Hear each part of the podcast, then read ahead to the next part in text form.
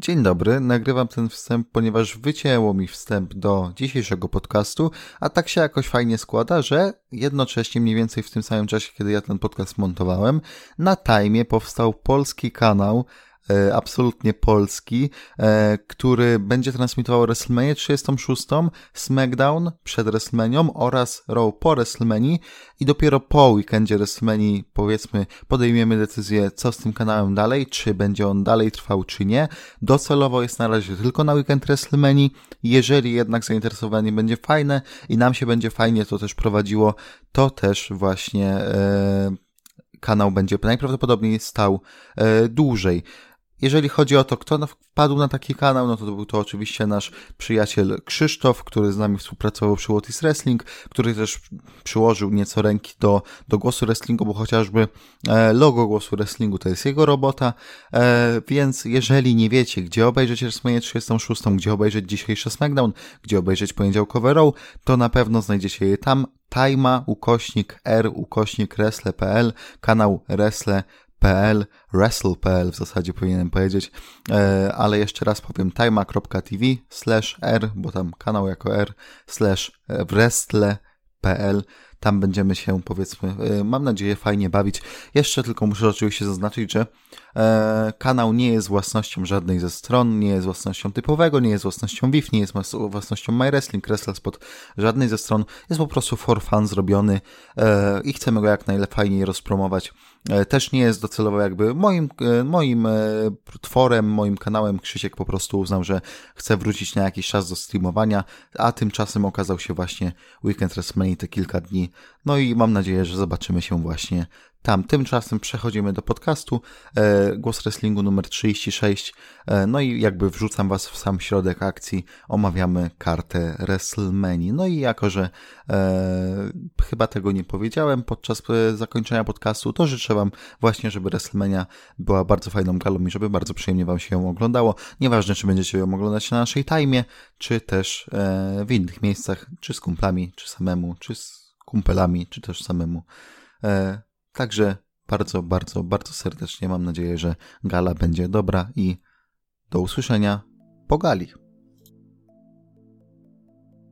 16 walk mamy do omówienia i zróbmy tak bo to już ustaliliśmy z Damianem przed wejściem na antenę, że tak powiem, zróbmy tak, że wszystkie te wirusowe sprawy zamknijmy teraz w tej pierwszej części, powiedzmy 10-15 minutowej, żeby potem, potem, żeby jak będziemy omawiać każdą kolejną walkę, to żeby nie mówić, no, mm, tutaj taka walka, ale tak naprawdę to nie taka walka, bo tutaj będzie zmiana, bo tutaj ten wejdzie za tego. Więc e, obecna karta teoretycznie nie ma żadnych zmian poza tą wczorajszą z Raw, gdzie Austin Theory wszedł zamiast Andrade. Teoretycznie więc cały czas na stole jest walka Goldberga z Romanem Reignsem.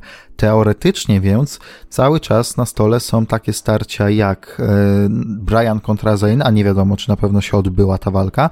Lashley kontra Black, mimo że Lashley ponoć był e, testowany pozytywnie na obecność koronawirusa. Ponoć też jakieś machlojki tu będą przy takim meczu laderowym o tytuły SmackDown. I tak naprawdę nie do końca wiemy, jak będzie. Da, powiem tak, na dziś chyba nikt nie wie, jak naprawdę będzie wyglądała ta karta. E, I w zasadzie powiedzmy sobie tak, nie będziemy się odnosić do każdej tutaj ewentualnej plotki e, po kolei, tylko mm, będziemy oceniać tę kartę, będziemy o niej mówić, tak jakby nic się nie wydarzyło. Wyjątki będą dwa, oczywiście Tag Team Match Raw Tag Team Titles, czyli Street Profits kontra Theory i Garza oraz Goldberg kontra Reigns, mimo tego, że cały czas taka walka jest awizowana o tytuł Universal. Mm, Damianie, więc przejdźmy przez tą kartę na szybciutko i powiedzmy, kto teoretycznie jest zagrożony. Otis kontra Ziggler na szczęście nie zagrożone. Asuka i Kairi kontra Alexa Bliss i Nikki Cross o tytuły kobiet tag team. Tu już pierwsze informacje, że może nie było Aski podczas nagrań. Ty wpadłeś na pomysł, że Io Shirai. Czy to by oznaczało, że Io Shirai będzie mistrzynią tag team, jeżeli obronią? O, chyba tak. No bo w końcu brałaby czynny udział w walce o tytuł tag team. No i przyczyniłaby się do obrony tytułu, więc wydaje mi się, że można by ją traktować jako taką nową mistrzynię zastępującą Askę.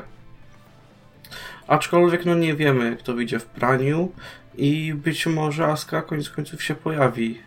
Chociaż Aska również ma rodzinę i no można założyć, że po tych tappingach chciała wrócić do Japonii, no żeby po prostu prowadzić normalne życie i też mogła po prostu nie chcieć, nie chcieć narażać swojej rodziny. A więc no wydaje mi się, że wycofanie Aski jest dosyć prawdopodobne. E, powiem Ci więcej, większość tych zawodników ma rodziny, ale a propos, jak już na, napomknąłeś ten temat, to a propos właśnie rodziny, e, Sami Zayn kontra Daniel Bryan i tu występ Bryana również jest niepewny, bo Bryan, e, jeszcze tylko cofnę, ja wiem, nagrana już jest WrestleMania i ja mówię, że no niepewny jest występ i tak dalej, po prostu jest pewien szum informacyjny i tak jak mówię, nikt na 100% nie wie, jak będzie to wyglądało w praniu, więc mówię, że niepewny i tak dalej, i tak dalej, tak jakby to miało być jeszcze przed nami. Ja wiem, że jest za nami, ale po prostu tak, żeby mnie tam nikt nie poprawił yy, do przodu. W każdym razie, yy, Brian kontra Zane, no i skoro mówiliśmy o rodzinie, skoro wspomniałeś o tym, no to Bri jest w ciąży, a jak jest się w ciąży, to ma się obniżony układ odpornościowy, więc ewentualnie Brian mógłby przynieść to cholerstwo do nich i byłoby nieciekawie. Niki też jest w ciąży, więc no jeszcze bardziej nieciekawie. W takiej samej, znaczy nie w takiej samej, ale w podobnej sytuacji jest również Demis, któremu niedawno się narodził drugi dzieciak. No, e, Roman też to samo, chociaż Roman ma jeszcze bardzo poważną sprawę, no bo dopiero co pokonał białaczkę. I teraz Krzysiu, nasz wspólny kolega, powiedziałby, ta białaczkę poszedł kręcić szybkich i wściekłych, ale powiedzmy sobie szczerze, pokonał białaczkę, więc e, no wiadomo jak to wygląda i, nie jest na pewno to coś. E, na tych wszystkich podejrzewam wrestlerach, jakby ich tak skumulować, to Reigns ma niestety najwyższe prawdopodobieństwo, żeby to się dla niego skończyło fatalnie, gdyby był chory. Dobrze, czyli tak, czyli Brian też niepewny, ale tu już też rozmawialiśmy przed wejściem na antenę, że najlepszym wyjściem z sytuacji byłoby po prostu danie Gulaka jako rywala Zayna.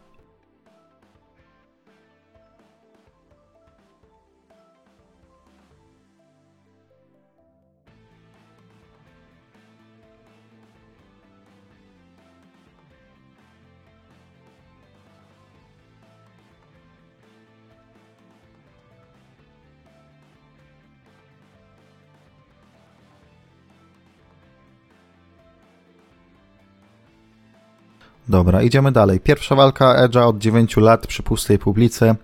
E, I tutaj na szczęście nie mamy żadnych e, informacji, żeby coś się wysypało, więc wow, cieszmy się. E, idziemy dalej do tych, co mogą się wysypać. Black kontra Lashley. Zabawna sprawa jest z tym Lashleyem, bo ponoć, i to jest ta plotka, w którą mi się naprawdę nie chce wierzyć, bo to by oznaczało, że nie wiem, że nie, nie mój, mój mózg nie chce tego po prostu przetrawić, że coś takiego mogło się wydarzyć i mogło dojść do, do, do skutku, że Lashley był chory i było to potwierdzone, że jest chory, po czym już się zdążył wyleczyć i jeszcze przepracował walkę z Blackiem po tym, jak już się wyleczył. I tak sobie myślę, jakim cudem. To znaczy, że co, że wiedzieli już od, nie wiem, ile, miesiąc temu, że jest chory? Czy co, czy wyleczył, czy wyleczył się w trzy dni, czy co? O co tu chodzi? No, ale właśnie, właśnie, Piotrek, najważniej, najważniejsza kwestia to to, że jeśli miał koronawirusa, to już nawet tydzień przed pierwszymi objawami, objawami mógł zarażać innych, co oznacza, że prawdopodobnie był w Performance Center i mógł zarażać innych zawodników oraz pracowników.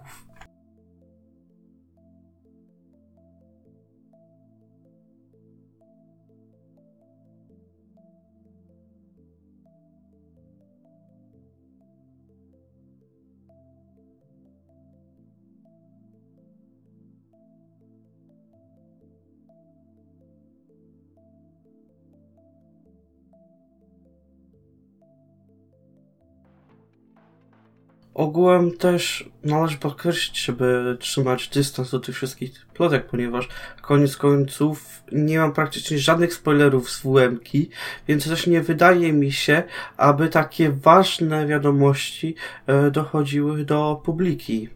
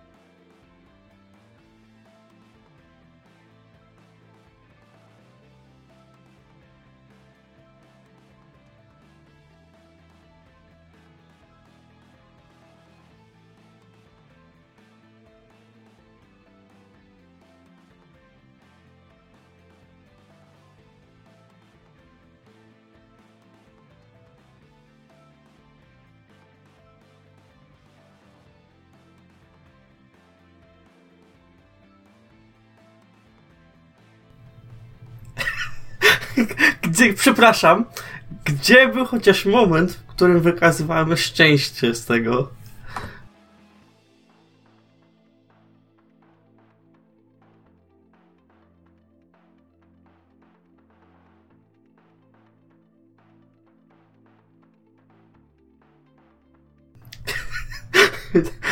Nie ma dowodów. Wypraszam sobie.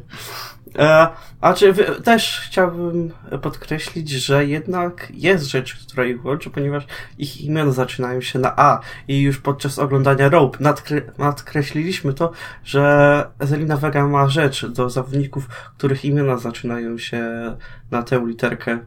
Tak, Andrade, e, e, Austin Theory, Angel Garza i jeszcze jest w prywatnym związku z Alisterem Blackiem. Niesamowita sprawa. E, w każdym razie idziemy dalej i tutaj już ten Miz wspomniany, Miz i Morrison kontra New Day kontra Usos w ladder meczu. No i ten Miz ponoć jest też pod znakiem zapytania. E, w sumie to tylko rzucę tak, że ponoć, ponoć, ponoć e, ten ladder match skończył się singlowym ladder matchem Morrisona z jednym z Usosów.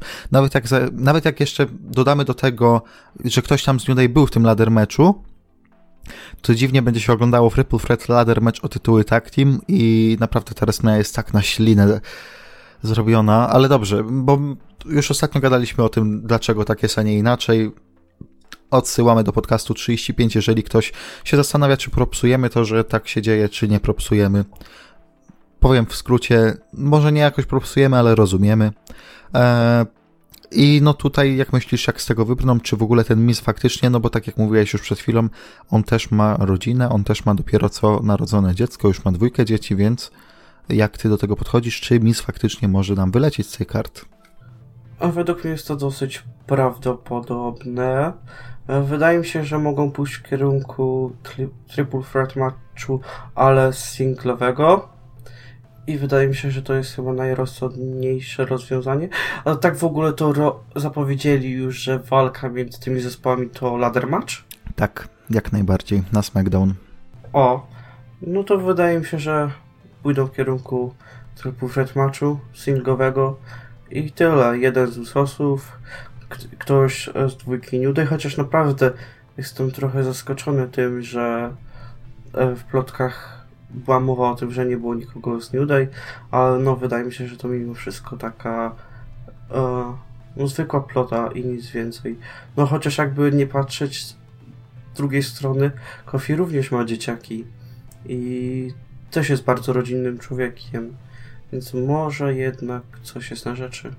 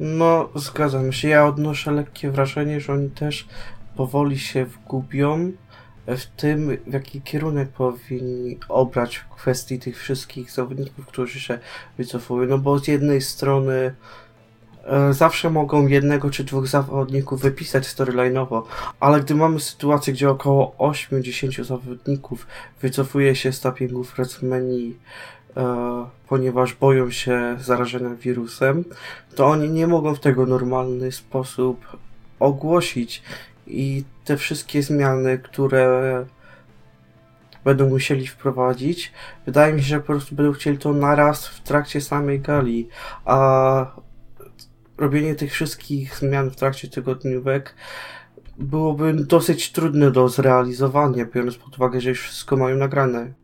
To jest głupota, bo mm, wrzuć to na Twittera, wrzuć to, ogłoś to, zrób update do karty, bo w tym momencie osoby będą płacić za to pieniądze. Będą, jeżeli kupisz pay-per-view, to zapłacisz za to 60 dolarów.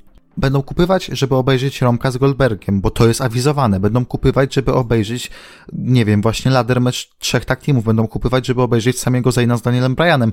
Nagle masz zmiany te wszystkie na karcie i co? I oni mają prawo się poczuć oszukani bo oficjalne kanały nic nawet nie sugerowały, że coś takiego będzie. No Oni po prostu chcą Tak, no tak, to jest sprytny wytrych, ale, ale no widać, to jest dla mnie potężny błąd WWE. Jak jeszcze potrafiłem zrozumieć pewne rzeczy, które robią w kontekście tej WrestleMania, to tego nie mam jak nawet bronić, bo moim zdaniem już nawet, dobra, jest, no, nie mówię o wszystkich walkach, ale ten Goldberg z Reignsem, że cały czas jest awizowany i zapewne w piątek nic się nie zmieni, dopiero w sobotę albo w niedzielę, no to moim zdaniem to jest głupota przepotężna. Naprawdę przepotężna. chcieli to zostawić jak jest. No i zgadzam się, że to jest totalna głupota, no ale skoro postanowili zrobić WrestleMania, no to będą chcieli ją do... osiągnąć do końca.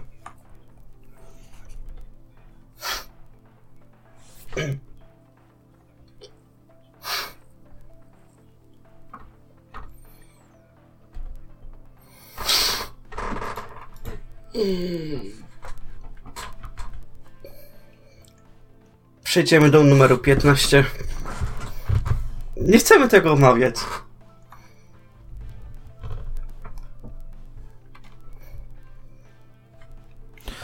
No dobra, to ten temat zamknijmy już. E, o tym, kto i dlaczego tego Romana zastąpi, to zaraz. No dobra, to ten temat zamknijmy już. E, o tym, kto i dlaczego tego Romana zastąpi, to zaraz jeszcze powiemy, jak już będziemy omawiać walkę po walce. I teraz przejdźmy do omówienia 16 walk, panie i panowie. Zaczniemy od numeru 16. Otis kontra Dolph Ziggler. I gdybyśmy mieli Przejdziemy zrobić... do numeru 15. Nie, ja muszę... Nie chcemy tego omawiać. Ja chcę. To jest mój podcast. I tyle razy mówisz, że to jest mój podcast, więc teraz jest to mój podcast. E, więc Otis kontra Dolph Ziggler. Gdybyśmy zrobili taką, e, taką tabelę tego, jak dużo zostało poświęconego czasu na dane storyliny od najwięcej do najmniej, to na pewno na ostatnim miejscu byłoby Black kontra Lashley, e, ale ten Otis kontra Ziggler byłoby w czołówce. Bo jakbyśmy sobie tak pomyśleli, to cały storyline z Mandy, to on trwa jeszcze od zeszłego roku i jest absolutnie przepiękny.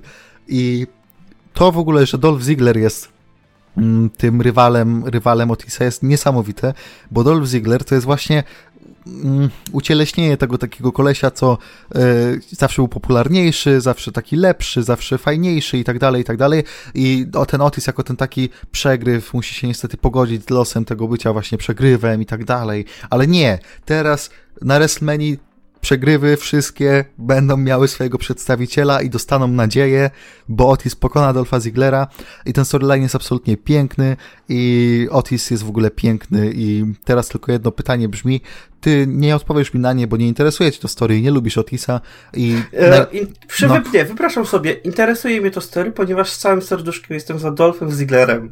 Mhm. Dobrze, to jest jedno pytanie a propos tego story kto wystawił tak Otisa z tym SMS-em wtedy.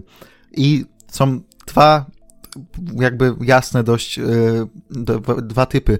Yy, albo Tucker, albo Sonia Deville i a czy według mnie tutaj boję, boję się, że Tucker. Boję się, że Tucker. Co? Albo jak się okaże, patrz, okaże się, się że Tucker z Sonią, tak. Tak, tak, tak, no właśnie do tego zmieszałem. I na Money in the Bank będziemy mieli mix tag team match. Mandy i Otis kontra Tucker i Sonia. Nie, nie, nie. Tak. Tak. Nie, Mandy i Dolph są na siebie skazani. Nie wiem, czy widziałeś, nie wiem, czy śledzisz Twittera y, Dolpha, ale oni naprawdę spędzają ze sobą bardzo, bardzo dużo czasu i widać, że są ze sobą szczęśliwi. Więc no nie, nie widzę opcji, aby no Otis jeszcze miał jakieś szanse u Mandy. No, no, przegapił swoją szansę, spóźnił się. Otis kupił specjalnie WWE 2K20, a to jest naprawdę bardzo zbugowana i słaba gra, żeby zrobić wejście Otisa z Mandy. Czy to jest miłość wymaga poświęceń? I to było poświęcenie. On kupił WWE 2K20. No, ty też kupiłeś. Ja też kupiłem. żałujesz tego. Ech, dobra. No przepraszam, to jest jednostronna miłość. No, Dobrze, słuchaj, dajmy swoje typy, dajmy te 16 typów, dobrze? Ja wiem, że mamy jeszcze swój wewnętrzny typer, taki nie- niepubliczny, ale dajmy. Ale tutaj będziemy typować serduszkiem. tak, tu Naszym typujemy serduszkiem. Tak. Otis. Ziggler. Dobra, idziemy dalej. Kabuki Warriors kontra Alexa Bliss i Nikki Cross, tytuły Tag Team SmackDown na szali. Były ploty, że jeszcze jako trzeci Tag Team miałby tam doskoczyć Bev i Natalia, ale te ploty były jeszcze zanim WrestleMania została przeniesiona do Performance Center, więc dużo rzeczy ulega zmianie. Mm. No fajnie, że sobie przypomnieli o tych tytułach, e, ale chciałem tylko powiedzieć tyle, że to jest widać już po rok. W ogóle wiesz o tym, że ten, te pasy mają rok dopiero. Ja się czuję, jakby były z 5 lat i już były zapomniane od czterech. A one raptem rok temu weszły. To jest niesamowite. E, w każdym razie mam wrażenie, że w WWE jest jakieś trzy taktimy kobiece. Zwłaszcza jak teraz Iconics wycofali i, i, i nie, ma, nie ma kto o te walczyć tytuły, więc wyciągnęli znowu i Cross. I boję się, że zrobią taką zmianę tytułów na zasadzie o, to zamieszajmy coś, ale nic się nie wydarzy. E, coś jak z tytułami Raw Tag często robią. Zamieszajmy coś, ale, ale nic się nie wydarzy. No, odnoszę podobne wrażenie. E, chociaż mm, nie wiem dlaczego, ale ta rywalizacja między Kabuki Warriors, znaczy bardziej między Aską a Nikki Cross i Alexą Bliss, ponieważ Kairi Sane e, była przez jakieś 2-3 tygodnie w, Japonii, e, była najbardziej promowanym pojedynkiem z tych wszystkich, które są na WrestleMania. Praktycznie na każdej tygodniówce było coś związanego e, z tą rywalizacją. Mhm, zwłaszcza Aska na komentatorce. Aska na komentatorce to jest w ogóle takie złoto, że ona tylko za to powinna wygrać te pasy, w sensie obronić. Ona wszystkie pasy powinna wygrać. Nie mamy chyba jakichś oczekiwań w związku z tą walką, no bo to jest tak wrzucone, bo jest wrzucone. No bo fajnie mieć Askę na WrestleMania, fajnie mieć Aleksę na WrestleMania i tak dalej. E, Pamiętam jak rok temu mówiłeś, o ten, e, WMK ma piracki motyw, ale Kairi będzie miała push. O Jezus, o Jezus, o Jezus. To ją z tego statku zaraz wypuszczą i wróci do Japonii.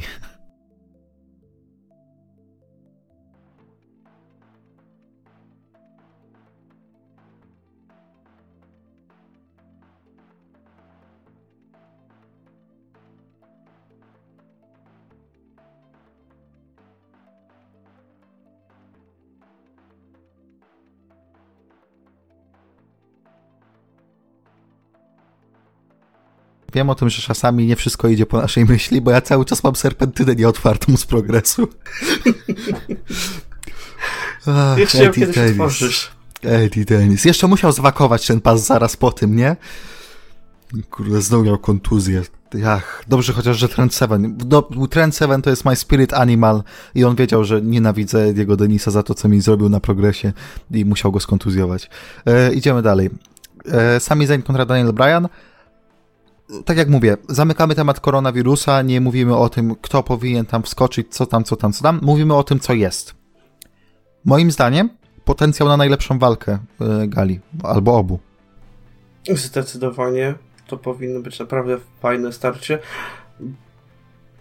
Mm, Prawdopodobnie nie będzie tak dobre jak zeszłoroczna walka Briana na WrestleMania. Z tego względu, że no, za tamtą walką była wielka historia i naprawdę bardzo wiele w to włożono. Ale wydaje mi się, że naprawdę możemy zobaczyć takie ładne, techniczne starcie, jeżeli e, dadzą odpowiedni booking Zainowi, ponieważ no on nie stoczył normalnej walki od jakiegoś chyba półtora roku, jeśli dobrze mi się wydaje. albo od roku, coś takiego. Od, od roku, bo chyba rok temu wrócił po WMC jako ten Critic of the Critics, albo już czas tak szybko leci, że już, to już było dwa lata temu, ale nieważne. E, chyba rok temu. Chyba rok temu. No to wtedy jeszcze toczył takie w miarę okej okay walki, potem, potem dopiero, Boże, przypomniało mi się, że Strowman go wrzucił do śmieciarki. E, dobra, wracając, e, to chciałbym powiedzieć, że, bo też będziemy sobie omawiać story, to chciałbym powiedzieć, że to story jest fajne, bo w końcu Drugulak ma co robić. I jeżeli mamy szukać pozytywów ostatnich tygodni, to moim zdaniem tak Team Gulag Brian to jest jedna z lepszych rzeczy, która się osta ostatnio dzieje w WWE. E, zgadzam się, złapali bardzo fajną chemię. Już o tym wspominałem, że e, Gulag dostał trochę czasu antenowego. Brian ewidentnie był za tym, aby wypromować Gulaka i storyline'owo e, no, chciał steamować się z Gulakiem, aby się nauczyć od niego nowych rzeczy, aby ewoluować jako wrestler. I wydaje mi się, że to jest takie e, takie podsumowanie trochę jego jego takiej mm, zmiany osobowej po rywalizacji z Findem. I wydaje mi się, że bardzo fajnie to zamknęli. Ja w ogóle lubię, lubię te story, kiedy masz dwóch rywali, którzy walczyli na danym pay-per-view, ale na bazie tego szacunku wypracowanego do siebie wzajemnie nagle są kumplami czy coś. To, czasami po to WWE idzie, chociażby Sheamus Cesaro y, kilka lat temu, nie? To mieli to Best of Seven Series, a potem nagle byli tak teamem. E, czy tam Best of Five to było. W każdym razie... E, to było naprawdę fajne, bo najpierw dali najlepszą walkę na gali na Elimination Chamber w zasadzie, Eee, chyba o czymś zapomniałem, czy nie? Chyba, chyba najlepszym. Tak mi się wydaje. Tak, tak, tak, najlepszym. No. Najlepszym. Eee, a, potem, a teraz nagle robią fajne rzeczy na tych tygodniówkach i, i, bardzo mi się to podoba. No i tak jak mówię, moim zdaniem, jeżeli, tak jak też powiedziałeś, zwróciłeś uwagę, z dobrym bookingiem Zane kontra Brian to będzie masterclass techniczny i niesamowite to będzie. Eee, nawet jeżeli mm, zastąpiliby Briana Gulakiem, to cały czas jakby quality. Ale wiesz co, ja właśnie mam te największe obawy względem e, samego, samego, ponieważ no, bukują go na kogoś, kto nie jest za bardzo wrestlerem, a trochę bardziej takim menadżerem, który używa e, mind gamesów no bo no, nawet jak gdy pokonywał e, Stormana, to wykonał praktycznie tylko jedną akcję i nic poza tym. Chociaż a... chciałbym powiedzieć, że wszyscy skazywaliśmy Zayna, Cesaro i Nakamurę na porażkę, a oni chociaż wygrali z tym Stormanem we trzech. Racja, racja. Więc trzeba szukać pozytywów. Powiem ci, że ja mam taką nadzieję i to taką nadzieję mam już od lat kilku, że są czasami takie momenty w WWE, że daje się fajnym osobom midcardowe pasy i wtedy jest taki światełko w tunelu. Teraz zrobią z tym coś fajnego, teraz będą fajne nazwiska się tu kręciły, będą zajebiste walki, a potem nagle tak się to rozlaza, rozla, no rozpada wszystko i nic z tego nie ma. Mm, ale myślę sobie, że teraz, gdyby nawet ten Zain w tym bookingu trochę gorszy mimo wszystko, no bo on jednak, jednak jest takim wrestlerem, że ze wszystkiego wyciągnie 100%, to gdyby tak dać mu tu Briana, tu Gulaka, tu niech się nagle Cesaro i Nakamura od niego odwrócą i powiedzą, hej, ty nas wykorzystujesz, to nagle zróbmy tu triple threat. Gdyby pas IC był takim pasem tych kolesi, którzy w ringu cisną, no to naprawdę byłoby pięknie. A wiesz dobrze, że w rosterze WWE są tacy ludzie, że mogliby, mógłbyś całą dywizję z tego zrobić tak naprawdę. Znaczy, e, cała piątka, która jest włączona w ten feud, jest no niesamowicie uzdolniona technicznie. E, tak więc no, jakkolwiek pójdą e, w kierunku te, tego feudu, to jest wiele opcji, aby dać nam wiele świetnych walk. Każde zestawienie naprawdę powinno dostarczyć mnóstwo emocji.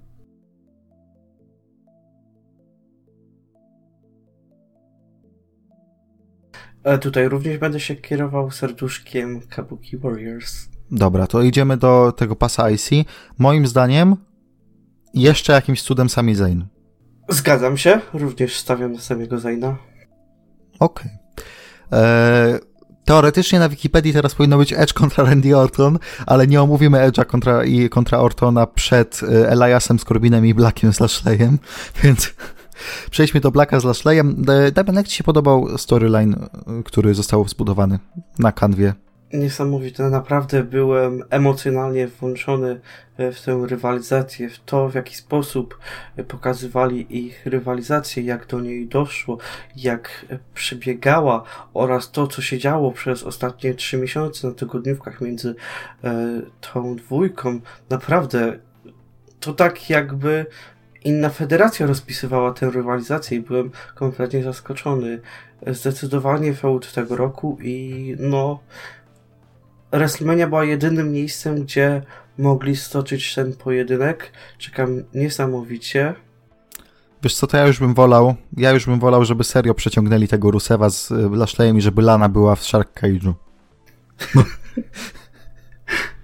czy, czy powinniśmy napisać do e-maila, e-maila do W?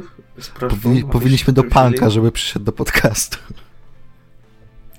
A wiesz co, akurat teraz nie ma za bardzo co, co robić i siedzi tylko No. w domu w kwarantannie. To W sumie wydaje, mi, wydaje mi się, że są szanse. WWE Backstage nagrywają teraz w bardzo podobny sposób, jak nagrywany jest podcast nasz, więc Pak powiedz sobie za różnicę.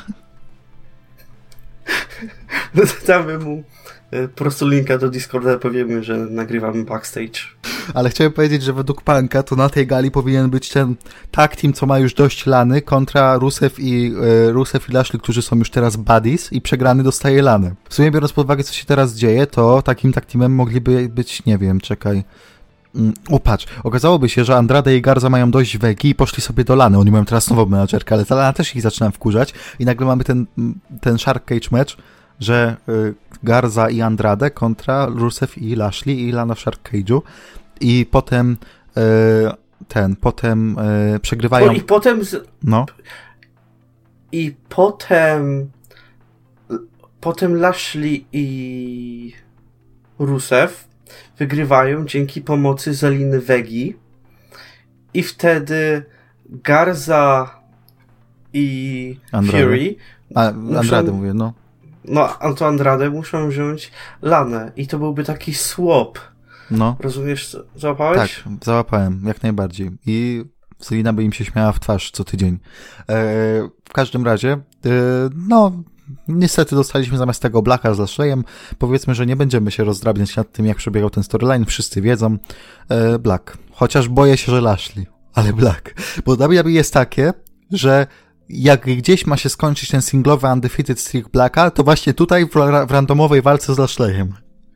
Nie w 100% pewny, no ale trzymam się serduszka. Black. Dobra, idziemy dalej. Elias kontra King Corbin. Trzeba zaznaczyć, że jest to walka, która została dodana do karty przez Roba Gronkowskiego, naszego hosta WrestleMania 36. I ja tu pragnę zaznaczyć inną rzecz, nie to, że będziemy tu gadać o feudzie czy coś, bo on też nie był jakiś szczególny, w zasadzie żaden, po prostu Elias chodził za Corbinem i grał piosenki. W każdym razie mm, to, co się wydarzyło ostatnio na SmackDown, czyli to zrzucenie Eliasa z balkonu, pięknie zmontowane, absolutnie jestem fanem tego, co się wydarzyło. E, porozmawiajmy o tym szerzej. Porozmawiajmy o tym w kontekście WrestleMania, która jest również nagrywana. Co będzie mogło dać możliwość WWE do tego, żeby się pobawić tym formatem. I teraz pomyślcie... Znaczy, wydaje mi się, że. A czy teraz się tak lekko wtrącę? Wydaje mi się, że już teraz się bawią w tych pewnych momentach, zwłaszcza e, w tym segmencie Corbina z Lasem. To wyglądało tak, jakby ktoś po prostu, no już pomyślał sobie, a no i tak nikt tego nie ogląda, więc się trochę baba, pobawi montażem. Brakowało, brakowało mi tam tylko takiego mm, To, stoko, tak, takich sto- wybuchów, nie, efektów sto- specjalnych. Tak, jeszcze takiego stokowego e, dźwięku, takiego plask jak spadł. Nie było takiego plask. Chciałem tylko powiedzieć, że mm, mogą się tym pobawić, a mają do tego okazję jeszcze ku temu, bo w WWE jest taki człowiek, który nazywa się Jeremy Borash.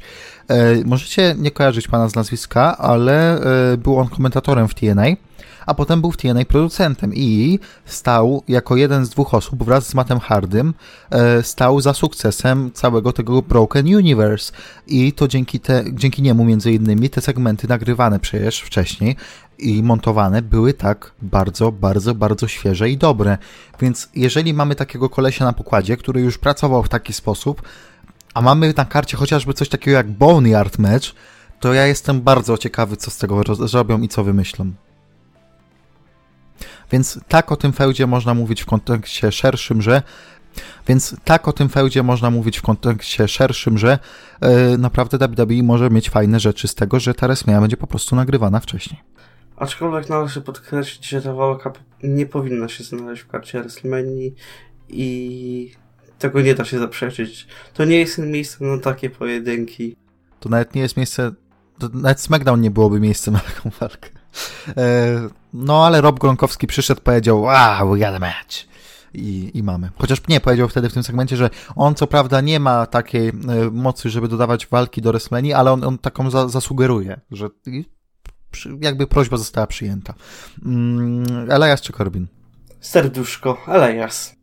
Mm, Corbin, moim zdaniem no-brainer, bo Corbin jednak jest dość ważny w WWE cały czas, a Elias, no jak przegra z Corbinem, to co straci? No niedużo, a co zyska?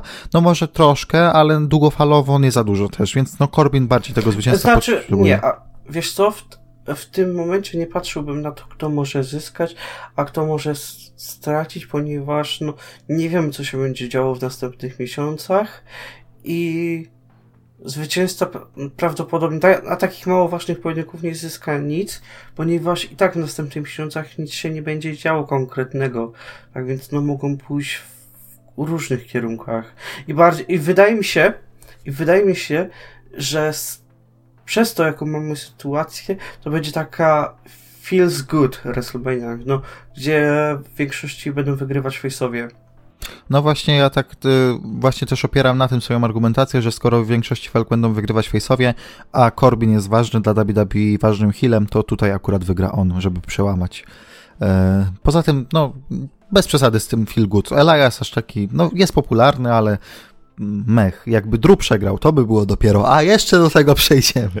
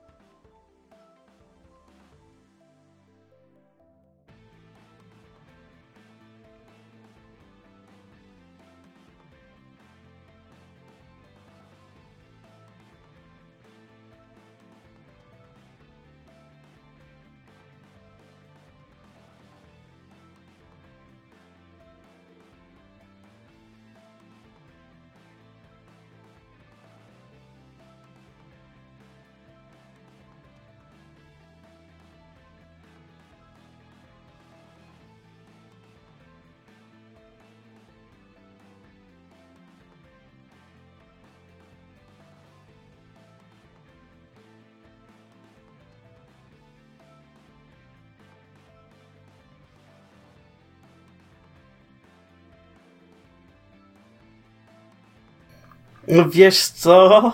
Ja nie byłem taki do końca tego pewien. Tutaj mogę pójść e, w każdym kierunku. Widać, że są bardzo, bardzo mm, hot on Street Profits. Bardzo chyba mają dobre notowania Street Profits na backstage'u. Być może. Nie moim, wiem. moim zdaniem obecnie są czołowym tak teamem. Nawet wyżej niż tam jakieś War Raidersy i tak dalej. Nawet wyżej niż Revival, ale to nie jest trudne. No to akurat no nic wielkiego, biorąc pod uwagę, że ci są na wylocie i wirus im tylko to ułatwia. Ja powiem Street Profits, bo też nie, nie ma za bardzo czego omawiać w kwestii story, a chcemy omawiać story, ale no tu nie ma nic. Yy, ale z Street Profits, bo no nie wyobrażam sobie, żeby Austin Theory i Angel Garza wygrali te pasy, ale, ale oczyma wyobrazić widza Austina Theory'ego, który wznosi ten pas Road Tag Team. Angel Garza i Fury. Dziękuję bardzo. Do usłyszenia. No to idziemy dalej. E, weźmy sobie teraz Bailey, Lacey Evans, Naomi, Sasha Banks i Taminę i może zacznijmy od tego, że e, na Instagramie Sasha trollowała, bo wrzuciła zdjęcie z pasem, w sensie zdjęcie z Natalią i tam obok był pas i wszyscy już, o kurde, spoiler, o nie. Kilkanaście godzin później wrzucono to samo zdjęcie, znaczy to samo, nie to samo. Natalia też wrzuciła zdjęcie tym razem z Naomi i to Naomi miała pas na barkach. I teraz jest jeden wielki mindfuck. Czy to chodzi o to, że Sasza niechcący się wygadała i teraz chcieli to zatuszować wrzucając zdjęcie Naomi? Czy chodzi o to, że Sasza trollowała od samego początku, a oni z tym trolem poszli dalej? Czy chodzi o to, że Sasza trollowała, a to Naomi wygrała? Damian, jaki jest twój e, stosunek do tego, jaka jest twoja wersja? E, wydaje mi się, że zawodniczki po prostu postanowiły się e, zabawić fanami i po prostu no wydaje mi się, że każda z nich zrobiła takie zdjęcie z Natalią i z tytułem. Tylko Natalia nie miała tego tytułu, bo nikt by w to nie uwierzył. nie, nie, jakbym zobaczył zdjęcie tam z Natalią i tytułem, to... Ale powiem szczerze, jeżeli ten storyline, jeżeli ten e, Six Pack Fatal Five Way miał nam czegoś dostarczyć, to najlepsza linijka na świecie od Bailey to jest, co może jeszcze dacie mi tu taminę, does she even work here? I dali taminę i to jest najlepsza linijka. Poważnie, bo nie mówimy tego często, bo nie mamy okazji. Moim zdaniem Hillowa Bailey to jest złoto. No, zgadzam się. Wydaje mi się, że jest bardzo niedoceniana wśród fanów jakbyśmy sobie pomyśleli o tym, e, kto miał najlepszy 2019 rok, to jasne, mówimy o Becky, jasne, mówimy o Charlotte, ale moim zdaniem przed Charlotte na drugim miejscu jest Bailey. Wygrała Money in the Bank, wygrała tytuł, potem straciła go dosłownie na chwilę, żeby go odzyskać i była tą healową Bailey naprawdę zajebistą. Moim zdaniem za Becky to jest druga naj, najlepsza postać tamtego roku, kobieca, e, nie mówię o NXT, e, a w tym roku naprawdę daje świetne rzeczy, świetne rzeczy daje. Właśnie, właśnie chciałbym podkreślić to, że bardzo się rozwinęła jako postać. Ewidentnie jest dużo lepsza niż e, face'owa Bailey w głównym rosterze, która była po prostu nijaka. Teraz widzimy jakie, jakieś e, no widzimy po prostu jakąś osobowość i kogoś, kto naprawdę jest dobrym mistrzem i no, wydaje mi się, że Bailey zachowa tytuł. Zresztą wiem, że tutaj się akurat nie zgodzisz. Um, wiesz co? Powiem tak, nie zgodzę się, ale jeżeli miałbym ustanowić taką kolejkę, jeżeli nie Sasha, to kto, to na pewno na drugim miejscu byłaby Bailey, potem Naomi, potem Lacey, potem Tamina. E, dlaczego tak, dlaczego skreślasz to, że Taminę? Tylko dlatego, że zapomniałeś, że pracuje? Ale by było śmieszne, gdyby ona wygrała. Wyobraź sobie taką włębkę. Garza i Tiri wygrywają, Tamina wygrywa. W każdym razie e, obstawiam Saszę i że pójdą feud e, w końcu, albo nie w końcu, Saszy z Bailey i Sasza będzie fejsowa, ale wcale nie jara mnie perspektywa fejsowej Saszy, absolutnie. E, właśnie oni tutaj tak bardzo podrzucają nam po myśl, a czy po, bardzo podrzucają nam to, że e, Sasza się odwróci od Bailey, ale wydaje mi się, że rozbudowali postać Bailey w takim kierunku, że to Bailey tak naprawdę wykorzystuje Saszę i to e, Bailey się odwróci od Banks na samej, w trakcie samej walki, w momencie, gdy Sasha będzie chciała wykorzystać sytuację, aby przypiąć Bailey. Ja, a przynajmniej ja tak to widzę. Aha, czyli sądzisz, że, że Bailey pójdzie na face tour jednak? Nie. Nie? Nie pójdzie na face tour, po prostu w trakcie walki zaatakuje mhm. Saszę i ją przypnie. Okej, okay, okej, okay, okej, okay, okej. Ale long termowo to Sasha będzie face'em. Mm, no właśnie... Mi nie pasuje, absolutnie. Tym, że, że ja, właśnie problem polega na tym, że ja nie widzę Sasha jako face aktualnie. To znaczy tak, powiem tak. Bailey jest dobrym healem, bardzo dobrym, ale nie widzę... Jeżeli w ogóle to jest niesamowite, jeżeli ktoś miałby ciągnąć feud healowa Bailey kontra face'owa Sasha, to będzie to healowa Bailey. I nie powiedziałbym tego nigdy jeszcze 3-4 lata temu. No tak, ale właśnie problem polega na tym, że no, nikt nie widzi tej face'owej Saszy. No bo w ostatnich miesiącach tak bardzo e, healowała, że no ciężko byłoby teraz przejść. Nawet nie chodzi chyba też o to, że, że tak bardzo healowała, ale czasami jest tak po prostu z ludźmi, jak widzisz to, co robią na Twitterze i tak dalej i teoretycznie dostajesz tą ich wykreowaną personę, ale poza programami WWE, że nawet jej nie za bardzo lubisz. Ja tak mam z Saszą, ja nawet nie za bardzo ją lubię, ja ją szanuję. Ja ją szanuję, bo jest dobrą wrestlerką, bo, bo faktycznie jest jednym z tych kamieni, yy, które, które po prostu mają tą, yy, dźwigają tą kobiecą rewolucję, ale ja jej jakoś tak nie lubię, nie mam takiego nie mam, że o, Sasza wychodzi, ale super, ale fajnie, że Sasza wróciła, ale fajnie, że Sasza będzie walczyć z kimś tam, czy... Nie mam takiej sympatii wy, wygenerowanej do niej, a do Bailey właśnie mam. I, I chyba tutaj też to, to u mnie waży na tym, że ja nie za bardzo mnie jara perspektywa tego, że ja miałbym kibicować jako ten zwykły fan Saszy w rywalizacji z Bailey. Dla mnie byłoby to takie bardzo słabe, słabe mm, fejsowanie z jej strony, nie? No to ja obstawiam Saszę, ty obstawiasz Bailey. Idziemy dalej, a dalej weźmiemy sobie może teraz, dobra, weźmy sobie w takim razie Demis i Morrison kontra New Day kontra Usos, ladder match tak teamów. Eee, no, New Day eee, i Usos tutaj wlecieli poprzez ten no contest w number one contenders meczu i mamy nagle ladder match. Nie wiem co z tym Mizem, ale to już zamknęliśmy, nie mówimy o wirusie. Mm, I co, Miz i Morrison przeszli cały Elimination Chamber, ale chyba za bardzo by wycieścili dywizję, gdyby teraz jeszcze przeszli ladder match, więc pasy na pewno stracą pytanie na czyją rzecz. Czy to będzie New Day, czy Usos? Mój typ idzie na Usos głównie dlatego, że niedawno wrócili. Mój typ idzie na Morrisona i Miza. Nie widzę jeszcze ich tracących tytuły i są na fali. Dobra, to ja odbiję szybko piłkę skoro pokonali wszystkich w Elimination Chamber meczu i teraz pokonaliby New Day i Usos drugi raz w ladder meczu, to kto miałby im zabrać te pasy? A, a czy teraz idziemy kierunkiem to, co się będzie działo po WrestleMania? Tak, no. Zakładając, że nie WWE nie zawiesza działalności i robią te tapingi tak, jak sobie zaplanowali tam chyba 10 kwietnia i robią na miesiąc do przodu. Kto następny w kolejce?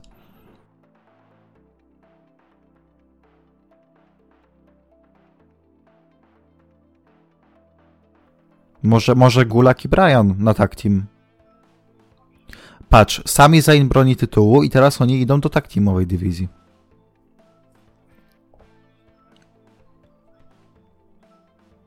Kurde, tert. Ej, jeszcze mi z Brianem znowu.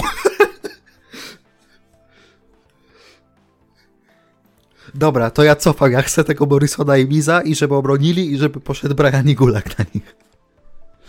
E, nie, ale tak serio, to jeżeli, jeżeli mamy iść tym normalnym tokiem, to, to moim zdaniem Usos, ale teraz to, co wymyśliliśmy, jest jeszcze moim zdaniem lepsze.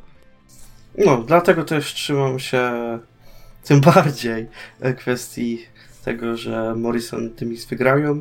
I też uważam, że jeśli e, mistrzowie są na topie i naprawdę mają bardzo fajny title reign, to nie ma powodu, aby tracili tytuły. No, znaczy moim zdaniem też nie ma, bo on, ich się naprawdę fajnie ogląda i te ich segmenty są spoko, ale no wiadomo jakie jest W, no to jest czasami właśnie takie zamieszanie łyżeczką herbaty, mimo że tam nic nie wsypałeś do tego czasu, nie?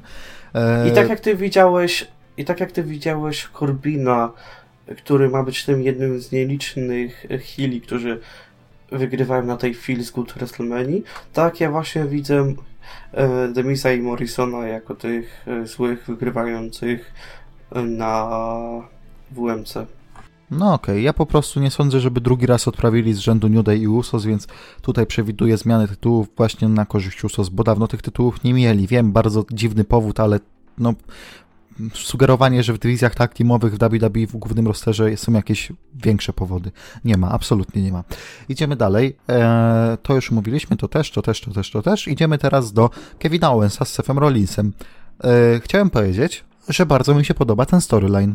Y, byłem już zmęczony tymi tam wcieleniami tak team meczowymi, gdzie tam tu raz Big Show teamował z nimi przeciwko Rollinsowi i EOP, tutaj raz Samoa Joe, tutaj Viking Raiders, tutaj tamci, tutaj ci, tutaj coś, tutaj tamto.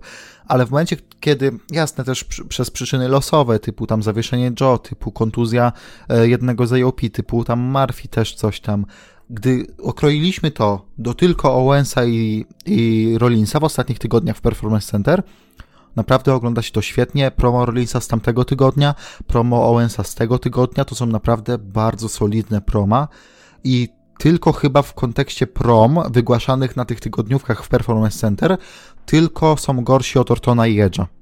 Tylko. I to też dużo mówi, moim zdaniem. E, zgadzam się. Wydaje mi się, że w tym momencie, gdy po prostu ograniczyli rywalizację do Rollinsa i Owensa oraz dali im taką większą swobodę z tego względu, że wszystko jest nagrywane w Performance Center i nie ma fanów. E, ci zawodnicy po prostu mogą e, czuć się swobodniej przy mikrofonie i mieć trochę więcej kontroli przy tym, co mówią. Dlatego jakoś specjalnie mnie nie dziwi, że panowie dali świetny proma. I też bardzo mi się podobało promo Owensa na e, chyba w ta, na wczorajszym Row było naprawdę dobre, chociaż ty chyba go nie odsłuchałeś, ponieważ... Nie, odsłuch od, odsłuchałem już, odsłuchałem już, ale wiesz co, mi cały czas bardziej leży to z zeszłego tygodnia Rollinsa, bo to było naprawdę, tak jak ktoś tam gdzieś napisał, pierwsze dobre promo Rollinsa od trzech lat i może nie też pierwsze dobre, ale miało to coś. Miało to, że ej, naprawdę to było wszystkie boksy były odhaczone, to było świetne promo. E, I kurde, o ile byłem zmęczony tą rywalizacją, gdy właśnie były te tak mecze cały czas na row, tak teraz jaram się nawet na to ich solowe starcie. Ja właśnie mam ten problem, że ja niezbyt czekam na tę ich solową walkę, ponieważ no, nie widzę tutaj starcia, które może skraść show. I oczywiście obaj są świetnymi zawodnikami w ringu, no aczkolwiek od kilku dobrych lat oni trochę tak no przysiedli względem um, no dawania takich świetnych walk ringowo. Chociaż no tutaj bardziej bym obwiniał Booking W za to, że no po prostu nie dałem im możliwości toczenia świetnych walk. No to prawda. No ale też jeżeli pracujesz 300 dni w roku, to trzeba jakoś tam dokręcać śrubę w tym kontekście. Dobra, mm, ja stawiam na Owensa, bo w, w przeciągu rywalizacji za dużo razy dostawał w pierdziel, a ostatnie te proma, właśnie chociażby to Rollinsa, wskazuje na to, tam mówił mu, że o, a jaki jest twój rekord na WrestleManiach? Failer, fail, fail, fail, fail. No to teraz musi być ta historia, kiedy Owens wstaje z kolan i zabiera zabiera Rollinsowi ten jego WrestleMania moment, jak to powiedział w tym tygodniu na Raw. E, jeszcze zanim e, tutaj już ja dam swój typ, chciałbym tylko pochwalić Kevina Owensa za to, jak po raz kolejny daje piękną koszulkę przed WrestleMania. To jest naprawdę bardzo, bardzo, bardzo fajna rzecz i propsuje.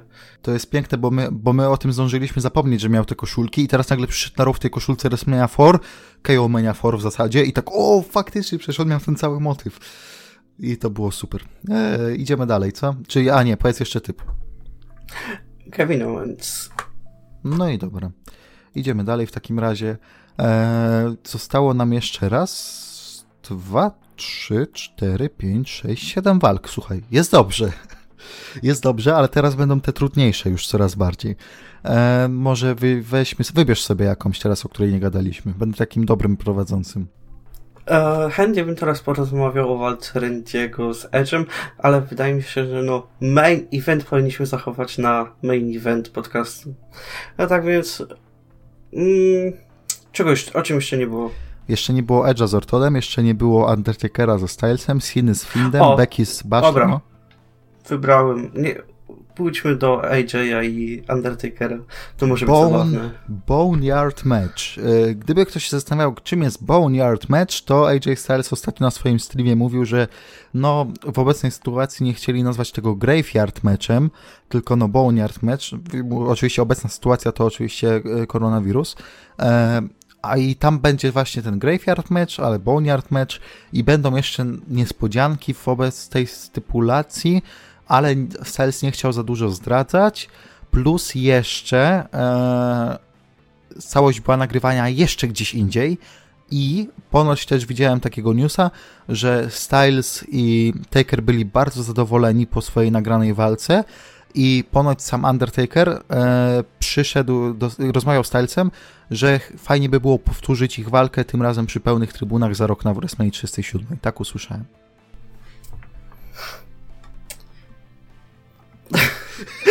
bardzo, bardzo niepokojące newsy. Co, co jest niepokojące, że Taker miałby walczyć za rok jeszcze? To już twoją drogą. To już jest taki bardziej... E horror, aniżeli To znaczy, takie... zastanawia mnie to, czy to, że oni są zadowoleni, to znaczy, że ta walka będzie dobra, czy absolutnie tragiczna. No właśnie, właśnie ja też już nie wiem, co o tym sądzić. No, ale jeśli są zadowoleni, to to... Nie, napra- nie naprawdę nie, wie, nie mam pojęcia, co mam myśleć o tym Tak, takie takie rzeczy przeczytałem na Twitterze. Tego... Nie, nie podam ci teraz źródła, bo po prostu scrollowałem Twittera, nie? Ale przeczytałem, że byli zadowoleni. Taker ze Stylesem. Wiesz co? Problem polega na tym, że z tej walki może być absolutnie wszystko.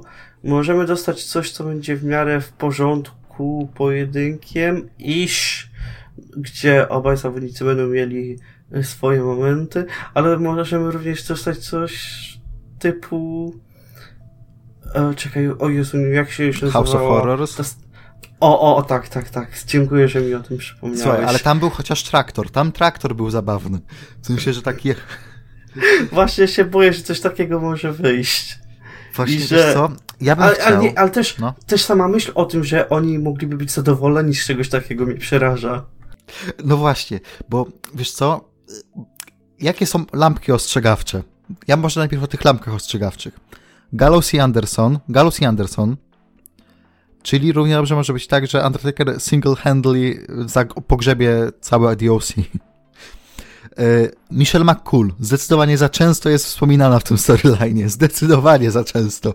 Boję się, że w kluczowym momencie coś się takiego wydarzy, że Michelle McCool będzie kluczowym elementem tego starcia naprawdę jest to realne, bo moim zdaniem, jeżeli WWE coś, coś przywołuje do storyline'u, to, to nie jest tak rzucone mimochodem. Tu jest coś na rzeczy, moim zdaniem. Pomyśl, jeże, pomyśl, jak działa WWE. Jeżeli WWE chce, żeby coś było ważne, to przypomina ci o tym co chwilę. I teraz przemyśl te ostatnie proma i Takera, i Stylesa. Taker w ostatnim promie powiedział, że Styles jest... Coś wspomniał o tym, że Michelle McCool lepszy Styles Clash wykonywała. Więc słuchaj, moim zdaniem to może być, być coś na rzeczy. E, co jeszcze? Boneyard match sam w sobie może być dziwny. Co jeszcze? Taker przeszedł nagle do Bikera Takera, wrócił jakiegoś dziwnego, plus jeszcze rzucali na zmianę swoimi prawdziwymi imieniami i nazwiskami. Absolutnie yy, Kayfabe poszedł do kosza w tym storyline. Z jednej strony jest to urocze, że 80-letni Taker nagle wrócił do Bikera Takera i rzuca yy, Kayfabe ou- out of window, ale y, z drugiej strony jest to absolutnie przerażające i straszne. Z jednej strony jaram się tym, tym meczem i właśnie wspomniany Jeremy Borash tutaj najbardziej może y, swoje piętno odcisnąć, a z drugiej strony y, jestem przerażony i nie wiem, co z tego wyjdzie. Ja również jestem przerażony, ale to jest takie pozytywne przerażenie. To jest takie przerażenie, że nie kompletnie nie wiesz czego. Wiesz co? Czekaj, czekaj, czekaj, wiesz co mi to przypomina? To jest te przerażenie, które odczuwam oglądając galę w Arabii Saudyjskiej. Że kompletnie nie wiem co, nie, kompletnie nie wiem co oni tu mogą zrobić, ale cokolwiek to będzie, jeśli po prostu sprawią, że ja się uśmiechnę, to ja będę utysfakcjonowany z tej walki. Czuję się tak jak przed tą walką Finda z Rollinsem, kiedy były te ploty o tym portalu w Arabii. Albo przed walką Goldberga z Undertaker- Undertakerem. Tak, ale powiem ci, powiem, wiem jedno. Jak będziemy oglądać te gale na Discordzie, to będzie śmiesznie. Będzie zabawnie. Więc y, jeszcze jedno, bo je, jeszcze jedną rzecz trzeba zaznaczyć. Czy ty nie masz wrażenia, że wbrew pozorom Styles naprawdę ma bardzo duże szanse na zwycięstwo? Nie, o, wiesz Bo co? ja, mimo wszystko... Tak jak teraz o tym Spójrz myślę. na przebieg storyline'u. On cały czas przez ten storyline dostaje w pierdziel. Ale wiesz, w momencie, gdy rozpoczęli tę rywalizację, ja naprawdę nie sądziłem, że AJ ma jakiekolwiek szanse. Ale jak teraz dostaliśmy tę stypulację, Undertaker wrócił do swojego bada z gimmicku, Michelle McCool została z jakiegoś powodu włączona do tej rywalizacji. To jest mój ulubiony, o, to jest moja ulubiona część tej rywalizacji. Naprawdę wszystko może się wydarzyć w tym pojedynku. I to jest jedna z trzech walk, na które czekam najbardziej.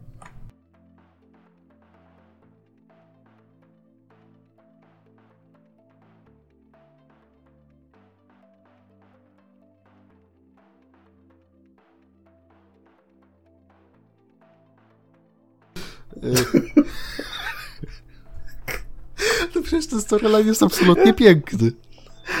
Nie, nie, nie. Je, je, a Takera wygrywającego jeszcze to był AJ, który nie, ani razu nie wymówił nazwy tego tytułu. Tylko- Bo, bo zapomniał.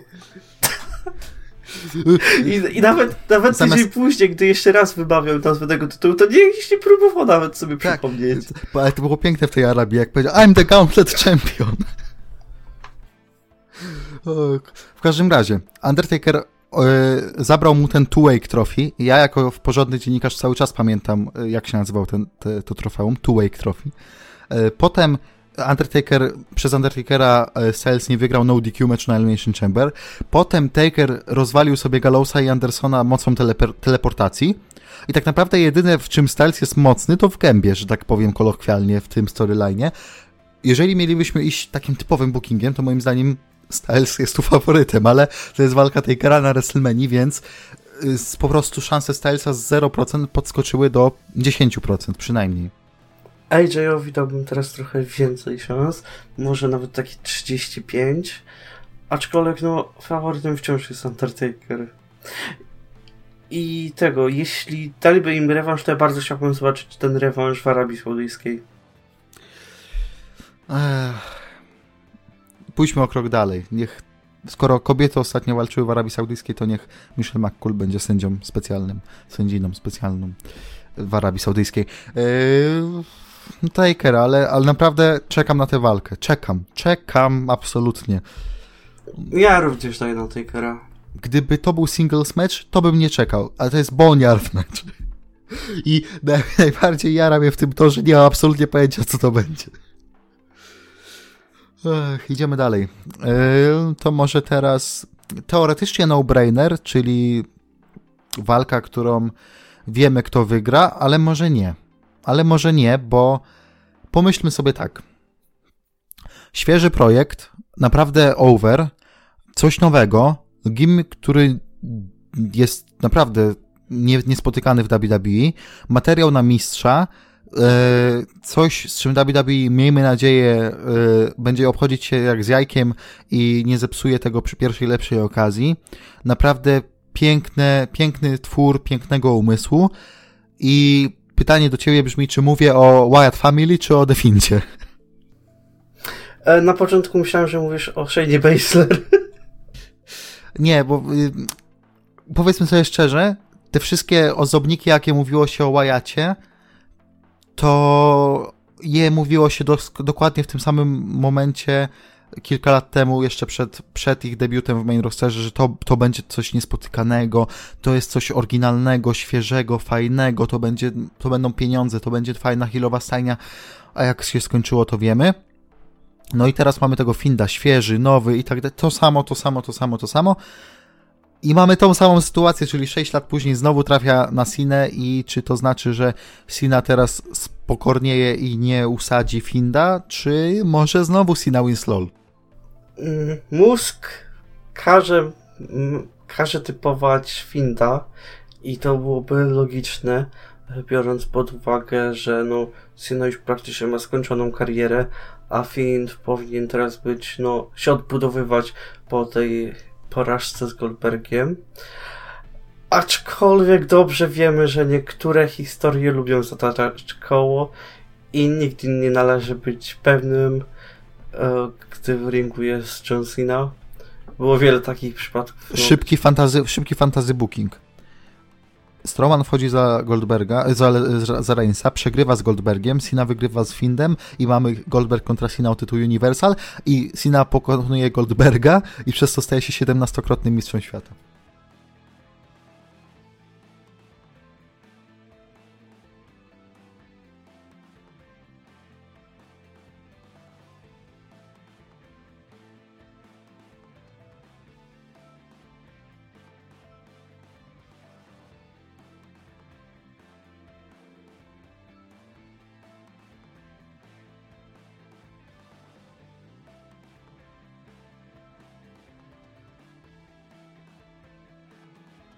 Już, już popełnili kilka błędów takich naprawdę mocnych, rażących z Findem, więc ja bym się nie zdziwił, gdyby popełnili kolejny, ale z drugiej strony może to będzie sześcioletni 50-50 booking i teraz wygra Find.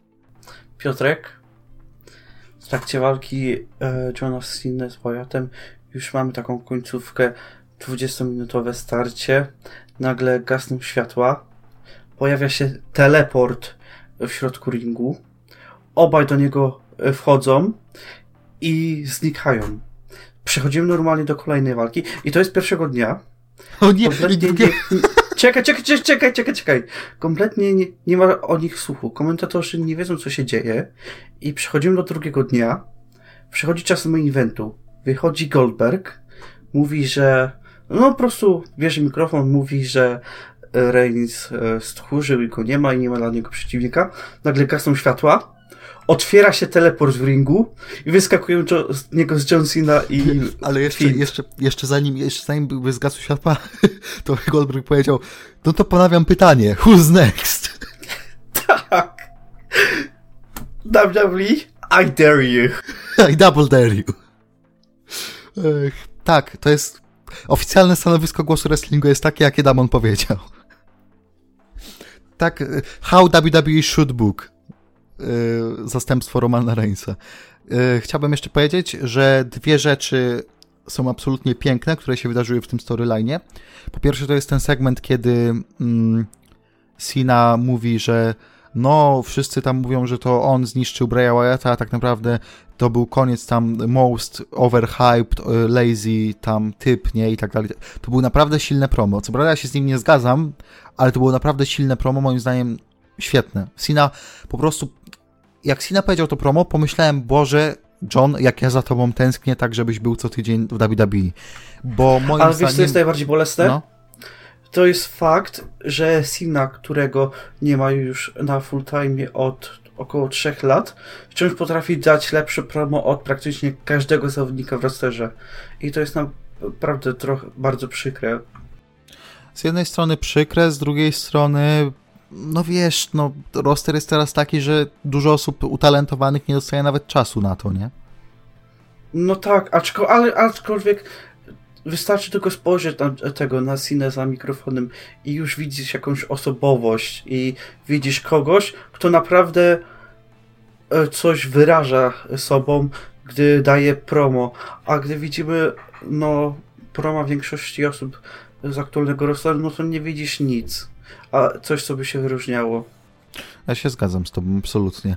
E, no ale właśnie, to było świetne promo, potem tam jak Wyatt odbił piłeczkę, jak wyszedł, też, to, było, to był świetny w ogóle segment moim zdaniem, to raz, a druga rzecz, e, którą nam dał ten, ten, ten storyline, to jest kolejna śmierć Rambryn Rabbita, e, tym razem w mikserze. Przynajmniej będzie taki porcelainowy shake dla Fitta, może schudnie ja się, ja się bałem, jak on umarł pierwszy raz, bałem się, jak umarł drugi raz, ale teraz, jak umarł już dziesiąty raz, to ja wiem, że on wróci w glorii i chwale. I przypominam, on cały czas zna tajemnicę, jak pokonać Finda.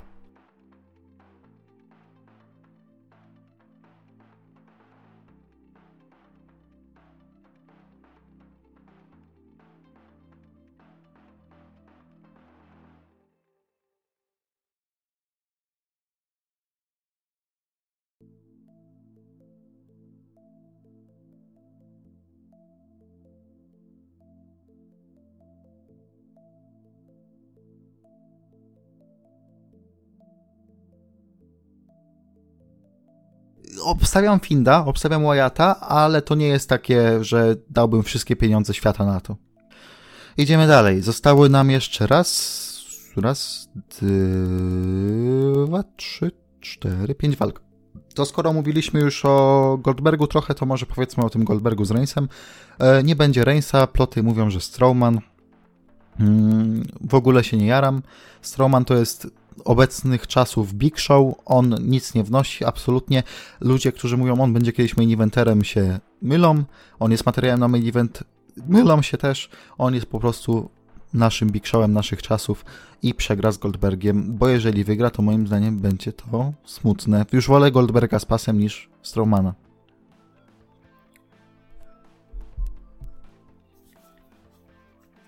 Ech, całkowicie się zgadzam. Wydaje mi się, że Strowman dostaje jakikolwiek cheer tylko dlatego, że no, jest tym monsterem, który robi te no, szalone rzeczy. Nie, no on, on, on dostaje cheer, I nie ma, dostaje nie ma żadnego innego fanów. lubić. On dostaje tak, cheer tak, od tak, tych tak, niedzielnych fanów. Tak. O, get these hands, get these hands. I to tyle, nie? Żadni tacy ludzie, żadni tacy ludzie, no bo za co go możesz, za co go możesz lubić? Nie wiem.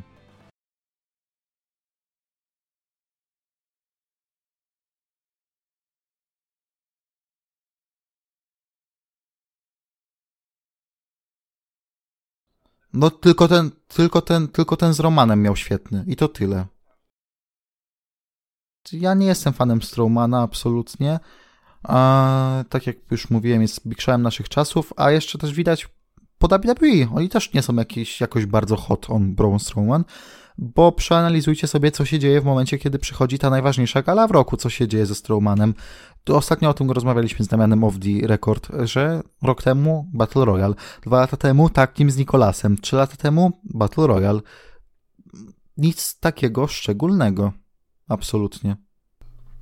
No i też w tym roku przecież no wiele osób wskazywało na to, że no gdy już zdobył ten tytuł od Nakamury, tak, IC od Nakamury, no że jednak trochę z, z tym tytułem y, pobędzie i że trochę go ponosi, przynajmniej kilka miesięcy. Ktoś powie, no bo pewnie plan był taki, żeby dać mu Tysona Fury'ego rewanżu, ale może tam się coś wysypało czy coś. No okej, okay, ale to nie zabierasz bez powodu typowi tytułu, zależ, w zasadzie nie wiem, po kilkunastu dniach mu zabrali, no nie, nie kilkunastu, miesiąc z hakiem, miesiąc z hakiem miał ten tytuł, bo jeszcze zdobył go nie, czekaj, wróć. Nie, po kilkunastu. On go wygrał na koniec stycznia. E, a stracił na Elimination Chamber już. Czyli kilkanaście dni raptem miał ten pas.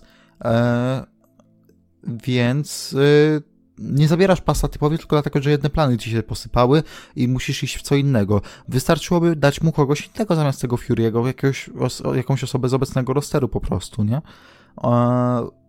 I nie wiem, jakiegoś heala, który jest tam wypromowany w miarę, nie? Ale wiesz, co najzabawniejsze jest to, że tak naprawdę on naprawdę prawie nigdy nie jest przypinany, że on praktycznie jest e, niepokonany za każdym razem, gdy walczy w ringu, a i tak nie ma kompletnie dla niego nic.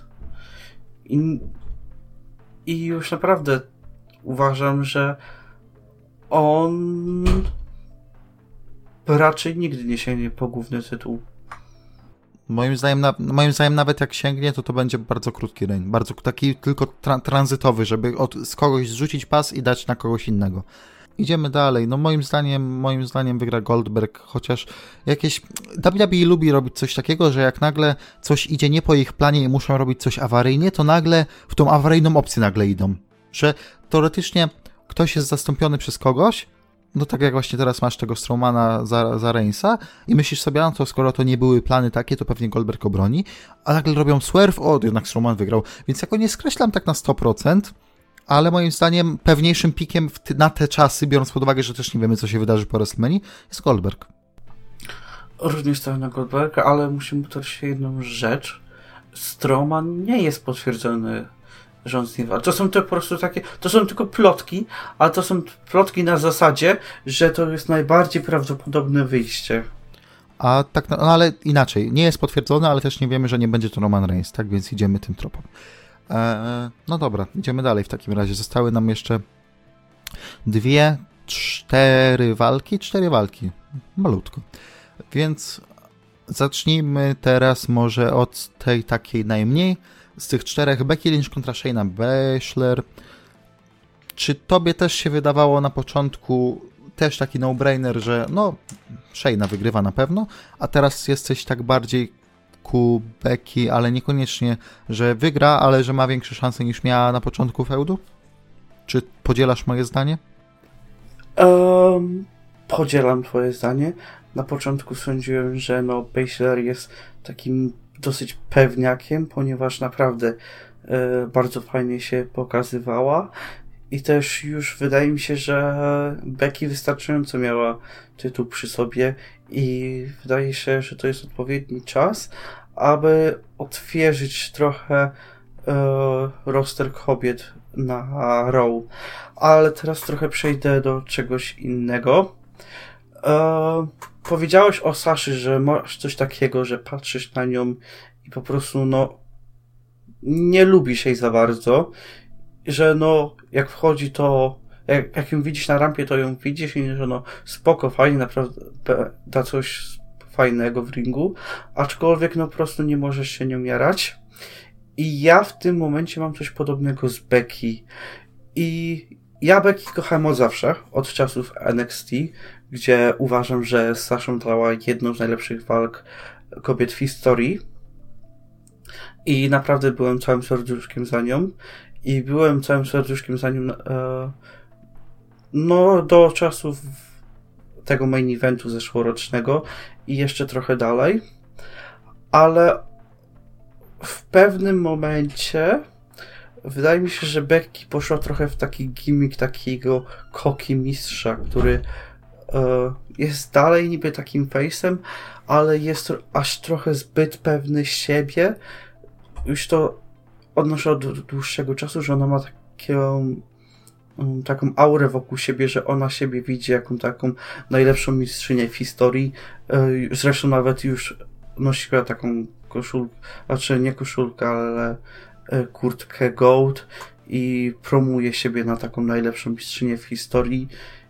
I według mnie to może być takie podciągnięcie pod to, że zbytnia pewność siebie może ją teraz gubić w walce z Baszler, która no jest lekkim przeciwieństwem Becky.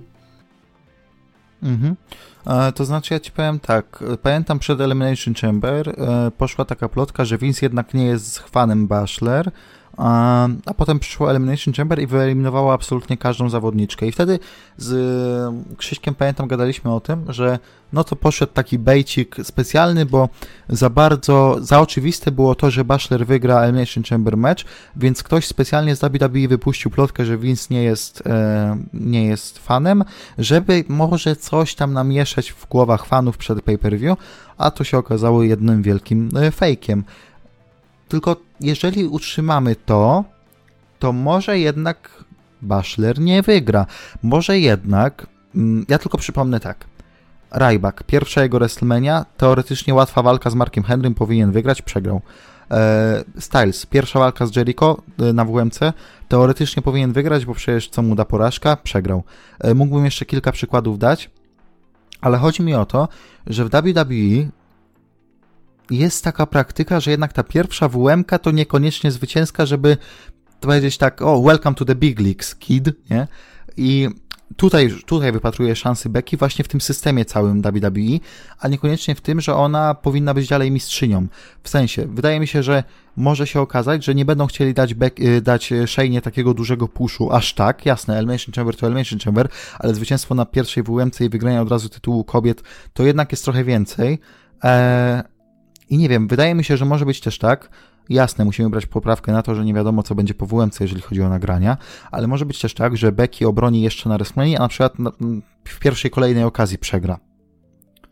I tutaj wypatruję szansy dla, dla Becky. Ale właśnie problem polega na tym, że jeśli Shayna przegra czysto na WMC, to nie za bardzo będzie widać kolejnych przeciwników dla Becky. Ale może, może, być to, może być to Shayna cały czas. Może cały czas przegrać w taki sposób, żeby za bardzo jej nie, nie powiedzmy, nie upokorzyć, że tak powiem, jakimś tam fartem Becky wygra, że była ciśnięta 15 minut, ale Shayna popełniła jeden błąd, jakiś roll-up fartowny i Becky wygrała. I wiesz, i Becky dalej będzie mówiła, haha, jestem najlepsza, zajebista i tak dalej. Patrz Shayna, mówiłaś, że jesteś taka super, a ja cię pokonałam. I wtedy, wiesz, pierwsza okazja, rewanż bank, nie? Nie ma, nie ma w ogóle tej. No być może jest jakieś to wyjście i no nie zdziwię się, jeśli pójdą w tym kierunku, zwłaszcza, że no na pewno będą chcieli zaskoczyć wynikiem jednej z walk, no a, mi, a tutaj mimo wszystko tylko faworytem wciąż jest Shayna. Ja nawet wiem, której może będą chcieli zaskoczyć. Ale jeszcze o niej nie mówiliśmy.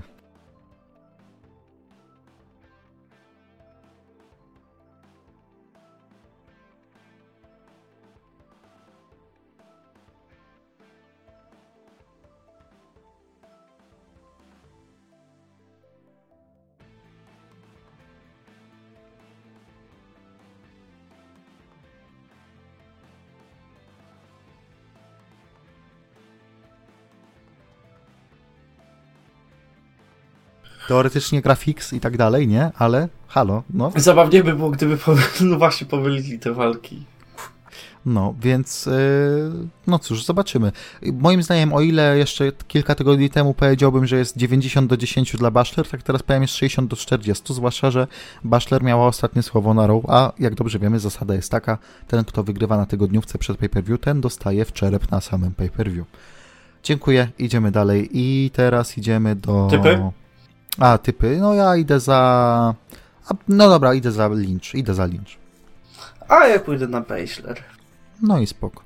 E, nie ma to żadnych, żadnych konsekwencji. Ten typer, my mamy ten poważniejszy, nasz prywatny. Tam są stawki wysokie. E, w każdym razie idziemy dalej. Zostały nam raptem trzy walki. E, I tak myślę, od której zacząć, bo w zasadzie każda z nich jest teraz bardzo ciekawa. Czekaj, czekaj, czekaj. Lesnar kontra McIntyre, Orton kontra Edge i K trzecia. A no tak, o, ja kompletnie zwalniam tej walce. No to dobra, idźmy z kobietami już, żeby mieć je z głowy.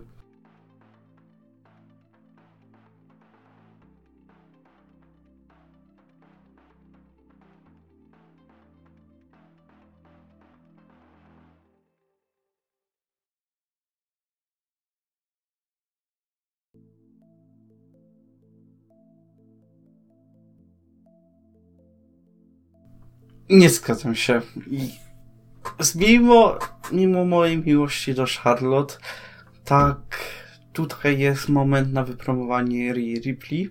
To jest ten moment, w którym e, pokazują, że trzeba się liczyć z NXT i że żółta tygodniówka powinna być traktowana jako no, trzeci brand, a nie rozwojówka i wydaje mi się, że to jest idealny moment na podkreślenie tego. I naprawdę ciężko mi sobie wyobrazić, że Ripley czysto przypinuje Charlotte, aczkolwiek a, nie. No, bo, no, no nie, właśnie, nie ja mogą pójść w tym kierunku. To znaczy, ja, ja bym ci przyznał rację. Przyznałbym ci rację, że to jest ten moment, kiedy mówisz, hej, NXT jest tak bardzo ważne jak Raw i SmackDown, patrzcie, jest już, są już na WMC, patrzcie, walczymy o pas główny kobiet NXT na WMC, patrzcie, zwyciężczyni Royal Rumble kobiecego idzie na pas NXT, to jest już wydarzenie. I przyznałbym ci rację, że to jest ten moment, w każdym innym przypadku, gdyby przeciwniczką Rii nie była Charlotte. Absolutnie. W każdej, gdyby ktokolwiek inny, gdyby Becky była rywalką, gdyby, nie wiem, Aska, Alexa, ktokolwiek inny, tylko nie Charlotte. Moim zdaniem Charlotte ma taką pozycję w WWE, że ona to wygra. Ja jestem, nie mówię, że przekonany, ale moim zdaniem jak tak myślisz sobie o tej karcie WrestleMania, o to będzie duży moment dla Rii, o to będzie duży moment dla, duży moment dla Drew, no to te walki moim zdaniem są najbardziej tricky. O, wiesz co? E, wczoraj sobie rozmawialiśmy na temat tego, czy e, tytuł NXT też będzie liczony jako takie e, mistrzostwo. No bo przecież tego Charlotte będzie podkręcać swój rekord. Mhm. No, ploty były takie kilka tygodni temu, że Vince bardzo chce, żeby wygrała Charlotte i żeby tytuł NXT zaczął się wyliczać jako World Title, a Triple H mówi, nie, ja chcę, żeby wygrała Rhea Ripley. Moim zdaniem to, co zostanie na wierzchu, to Vince. I Charlotte wygra. I nagle NXT zostanie, będzie liczone, będzie powiedziane, że Charlotte jest now 11-time World Champion, mimo tego, że nie liczą jej tego pierwszego title reign z tytułem NXT. Wydaje mi się też, że przynajmniej jedna walka w całej karcie musi się zakończyć takim dziwnym finishem, w którym niekoniecznie dostaniemy zwycięzcę. No praktycznie każda WrestleMania coś takiego ma. I wydaje mi się, że jeśli mamy wyszukiwać jakieś, wal jakieś walki, w której może w, w której można użyć takiego finiszu, to jest właśnie taki pojedynek tak, aby żadna z tych zawodniczek nic nie straciła. Pierwszy pojedynek, jaki mi się nasunął na myśl, jak to zacząłeś mówić, to Otis kontra Ziggler. Pomyśl, Mandy wmieszana w to, Tucker, Sonia. Nie, wypraszam sobie, tutaj Ziggler czysto o, rozniesie Otisa i to jest jedyne słuszne rozwiązanie.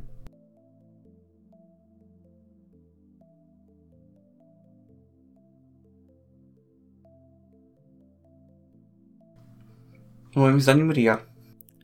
Dobrze, to jak już doszliśmy do, do wniosku, że się nie zgadzamy, to powiedz jeszcze o Feudzie. Czy tobie się podoba to, jak to budowali od momentu zwycięstwa, Charlotte, zwycięstwa Charlotte w Royal Rumble meczu, przez moment tego, że Ria ją wyzwała, po moment faktycznego feudu, gdy już się okazało, że faktycznie idziemy w Charlotte kontra Ria?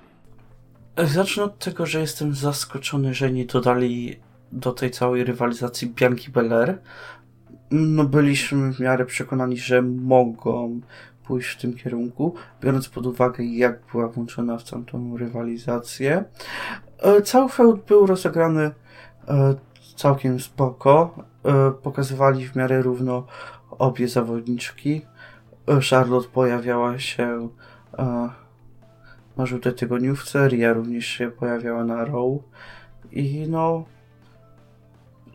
cała rywalizacja została po prostu pokazana jak taki typowy feud Charlotte, że ona idzie że ona idzie śrubować rekord i przeciwniczka mówi na, na, na, ja tym razem tutaj obronię. Nie obroni. Charlotte tutaj, no obroni, przestań. Nie. Obroni. Nie ja obroni. jestem pewien. Y ja jestem niepewien, ale jestem prawie nie mówię, pewien. że Nie mówię, że Ria wygra, ale Ria obroni tytuł. Dobra, e, no to moim zdaniem wygra Charlotte. Co do feudu, e, podobał mi się do momentu tego, tego, że nagle przestali robić gale w tym, no bo jak poszło do, co do Performance Center, to chyba oni mieli tylko jedną taką przebitkę, że Charlotte udzielała wywiadu chyba tylko, że powiedziała coś, że no, Ria może wykorzystać ten czas i na przykład zacząć oglądać moje walki z WrestleMania i może nauczy się tam jednej czy dwóch rzeczy. Moim zdaniem Charlotte przeważa w tym feudzie mimo wszystko i to nie jest typowy feud, nie możemy patrzeć na niego tak, że o, Charlotte przeważa, czyli wygra, yy, wygra Ria. Moim zdaniem to jest feud Undertakera, czyli Undertaker przeważa, czyli wygra Undertaker.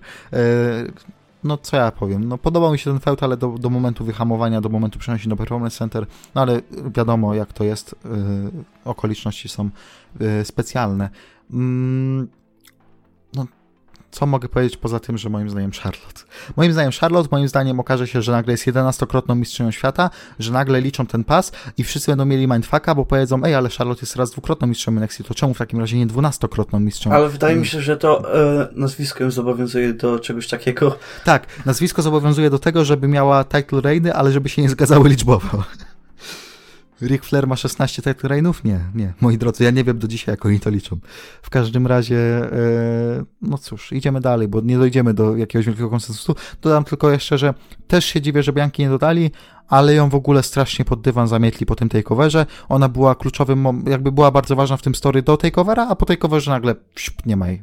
Więc e, gdyby cały czas chcieli ją utrzymać po, do, po takeoverze, to by jasne, wtedy dodajesz ją jako, jako osobę trzecią.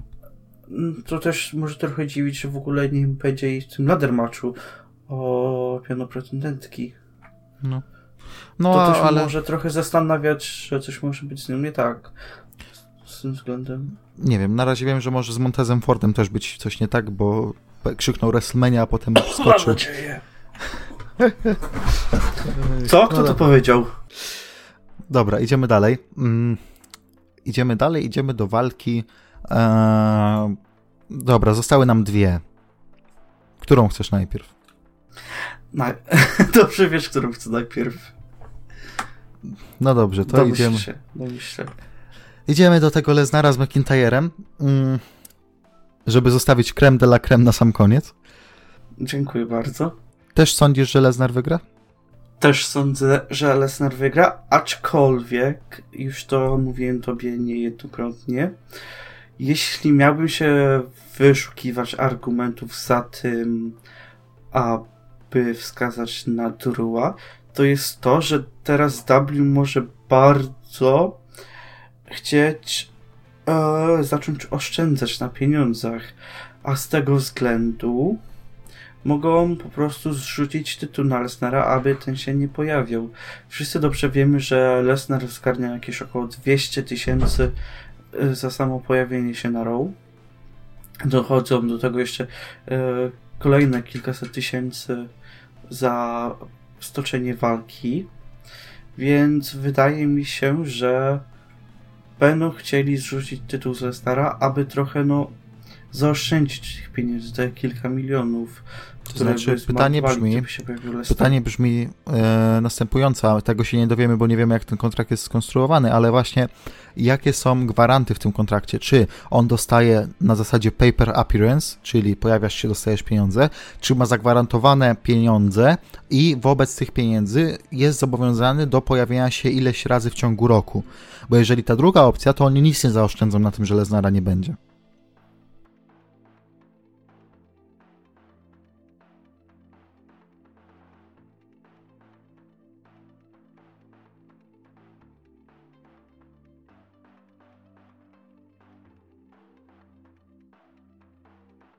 Tego się nie dowiemy, tego się nie dowiemy, bo nie widzieliśmy go na oczy.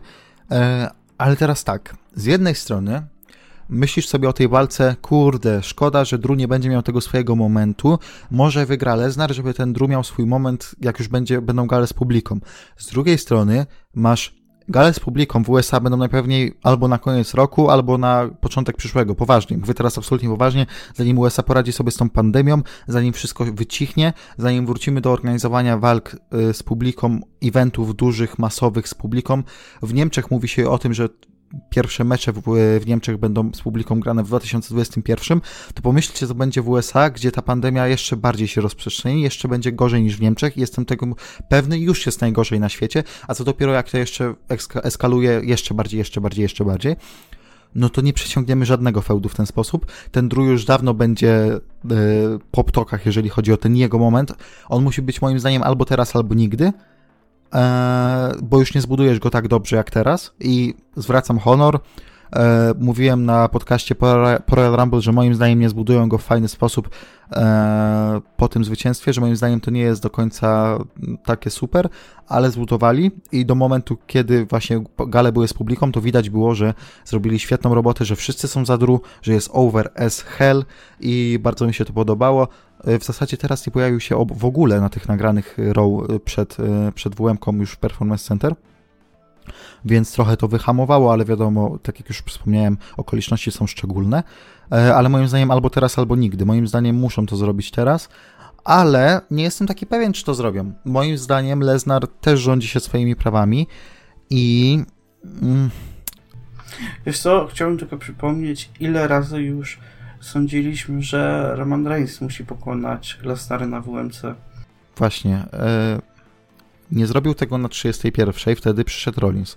Nie zrobił tego na 34, wtedy przegrał czysto. Wygrał dopiero z Lesnarem na SummerSlam tylko dlatego, że tam zrobili tą akcję z tym y, Strowmanem, który, o ja skaszynuję i wiecie, i był distraction i przez to Lesnar przegrał. Czyli musieli jeszcze specjalnie tego Lesnara ochraniać, żeby podłożyć go Romkowi. Romkowi Pytanie, czy ja wiem, są pogłoski, że Vince jest bardzo fanem McIntyre'a, ale łaska Vince'a na pstrym koniu jeździ i może być różnie. Eee, więc ja nie jestem taki przekonany. Ja moim, moim zdaniem mogą pójść w bardzo bezpieczną, a powiedzmy sobie szczerze, Lesnar jako mistrz jest bardzo bezpieczną opcją. W tym ostatnim promie Leznara, y, w zasadzie nie Leznara, a Heymana y, na Raw, gdzie y, Heyman mówił, że za rok o tej samej porze Brock dalej będzie stał jako mistrz, to moim zdaniem to było jedno z najprawdziwszych zdań, jakie zostało powiedziane ostatnimi czasy. I niekoniecznie, że będzie trzymał ten pas cały rok, tylko że nawet jak straci, to zaraz go odzyska szybciutko. Pytanie więc do ciebie. Co się stanie? Co się stanie w tej walce? Czy będzie moment Drew, czy Lesnar obroni LOL?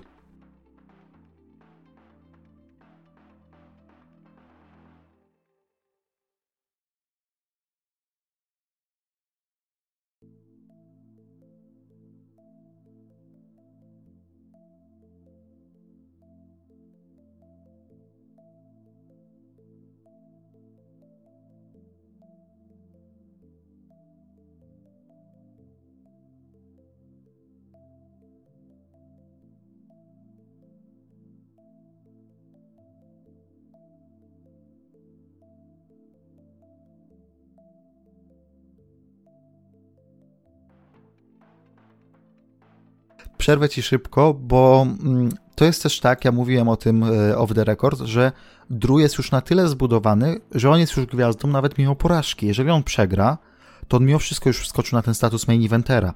Pytanie, czy właśnie nie miał za dużo tej ofensywy względem Lesnara i czy to nie jest tak, że właśnie zbudowali go tak mocno, żeby nawet porażka mu nie zaszkodziła.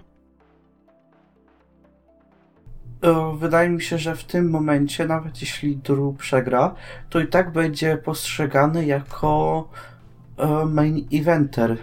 Nawet jeśli e, przegra z Lesnarem, to wydaje mi się, że będzie miał swoją ofensywę. Nie wydaje mi się, aby był to 5-minutowy squash, aż mi się przypomina to, co mówiłeś o walce Lesnara z Ricochettem, że to będzie 9-minutowe starcie, w którym Ricochet będzie miał trochę ofensywy. No, serio sądziłem, że to będzie taki pojedynek na zasadzie tej tego z Balorem na Royal Rumble. No co, no moja Nie, wina. ja, ja kompletnie nie, nie miałem na to żadnych nadziei. Ja od razu, jak sobie wyobrażam tę walkę, to sądziłem, że no, Ricochet po prostu będzie tak latał po ringu. Ale tutaj mamy kompletnie inną historię. Wydaje mi się, że Drew będzie miał trochę ofensywy przynajmniej jeden Claymore wykona, może nawet dwa, aczkolwiek no nie wydaje mi się, aby to było wystarczające. Koniec końców mój typ idzie na Lesnara.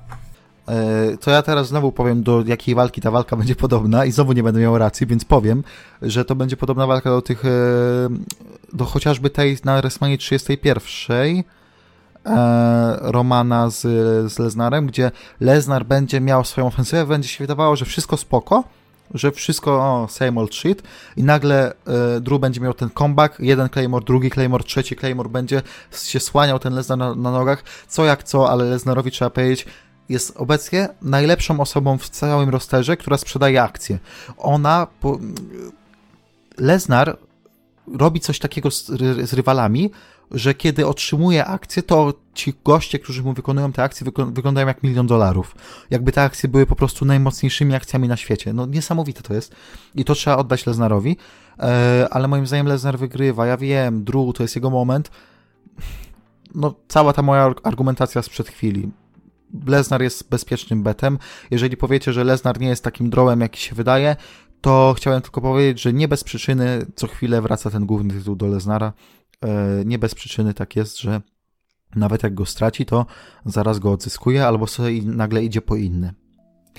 Więc yy, nie, no moim zdaniem Lesnar wins LOL, chociaż no, chciałbym tego Drua, ale muszę brać poprawkę na to, że okoliczności są takie, a nie inne.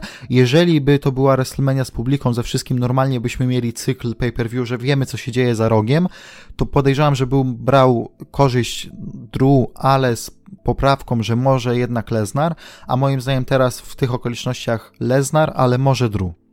No ja niestety nie daję praktycznie żadnej szansy do Drew. Wydaje mi się, że swoje zrobił, swoje osiągnął w tej rywalizacji. GG dla niego, ale koniec końców, no, Lesnar to Lesnar i wygra. Możemy mieć w ogóle niepopularną opinię, bo wydaje mi się, że wszyscy są Team Drew w tym, że nie, Drew na pewno wygra, Drew na pewno wygra. A czemu już... nie? Nie, nie rozumiem, dlaczego aż tak wiele osób nie lubi Lesnara. Lesnar, mimo tego, że jest jaki jest, to jest naprawdę topowym zawodnikiem i okej, okay, format jego walk mógł się naprawdę znudzić, ale gdy widzisz Lesnara, no to jesteś po prostu zaciekawionym, co będzie nas dalej w ringu. I gdy jest za mikrofonem, to robi całkiem zabawne oraz ciekawe rzeczy. W ringu, no mógł, może mieć ten format jego walk trochę przefrosowany, ale wciąż jest naprawdę według mnie e, świetnym zawodnikiem. Jeśli tutaj mówimy już ogólnościowo, to dla mnie jest jeden z takich e, gołtów. Ja tylko powiem, że nie bez przyczyny, mimo tego, że jest part-timerem i ma taki schedule, a nie inny, to nie bez przyczyny e, w trzech, e, w trzech edycjach Top 100 zazwyczaj jest w pierwszych tak dziesiątkach, piętnastkach. No i proszę Państwa, mamy ostateczny argument. to znaczy u nas w Top 100 kayfabe jest bardzo ważny, czyli te jego pasy, które sobie nabija, ale mimo wszystko też bierzemy pod uwagę to, że cały czas dostarcza, no, dostarcza mimo wszystko. Dobra, yy, co chciałbym jeszcze powiedzieć, że tak jak, jakby spuentujmy to tak, moim zdaniem i twoim też, Lesnar wygra, ale ta porażka nie zaszkodzi Drew. Na tym możemy skończyć, że już jest zbudowany na zajebistego typa, naprawdę. No i się zgadzamy. To teraz przechodzimy do the main event of the evening. To rzeczywiście jest już trochę wieczór i chyba nie mamy trochę aż tak za bardzo czasu. Tak, mamy jakieś, mamy, jakieś, mamy jakieś 15 minut do końca, więc... 20? No 20. No, Dam ci te 3 minuty jeszcze. Dobrze, więc yy, Edge kontra Randy Orton, Last Man Standing match. Jeżeli jakiś storyline zyskał na tym, że zostało wszystko przeniesione do Performance Center, to jest to Edge kontra Randy Orton. Co tydzień, absolutnie co tydzień, dostarczane, dostarczane były piękne proma od jednego i od drugiego. Absolutnie, ale takie światowa klasa. Pokazali, że no, są czołówką w historii, jeżeli chodzi o bycie za mikrofonem, o bycie charyzmatycznym, o przyciąganiu uwagi. Cały ten storyline to jest jeden wielki majsterszyk. Moim zdaniem to będzie najlepszy storyline albo jeden z dwóch, trzech najlepszych storyline'ów roku. E, zgodzę się w większości, ale nie uważam, że zyskali, tylko po prostu pokazali swoją klasę, potrafiąc przeciągnąć e, ten feud i utrzymując go na ten sam poziom, nawet w Performance Center bez udziału publiczności. Ja powiem ci, że nawet może i był większy. W sensie już był wysoki, a moim zdaniem jeszcze był nawet większy. To promo Ortona naprawdę było moim zdaniem jednym z lepszych prom. W ogóle Orton dojebał dwa topowe proma w od dawna, yy, zarówno to z Beth Phoenix, ten cały segment, jak i później to promo e, w Performance Center. Yy, naprawdę moim zdaniem to jest czołówka i ja naprawdę jeżeli będę coś wspominać w kontekście tej WrestleMania, poza tym, że była w Performance Center i była bez publiki i była too big for one night, to Edge kontra Randy Orton to jest klasa światowa, jeszcze raz to powtórzę. To jest najlepszy feud od miesięcy w WWE. I wiesz, tutaj po prostu wychodzi to, o czym e, no może niewiele, ale niektóre osoby mówią od dawna, no w tym ja. Jeśli Randy'emu się chce, to naprawdę potrafi być no praktycznie na samym topie, jeśli chodzi o no jeśli, jeśli chodzi o e, prezentowanie się w rywalizacji, bycie za mikrofonem oraz dodanie takiego um, takiej ważności oraz takiego smaczku do całej rywalizacji. Coś, co miało również miejsce e, w jego rywalizacji z Kofi Kingstonem. Mhm.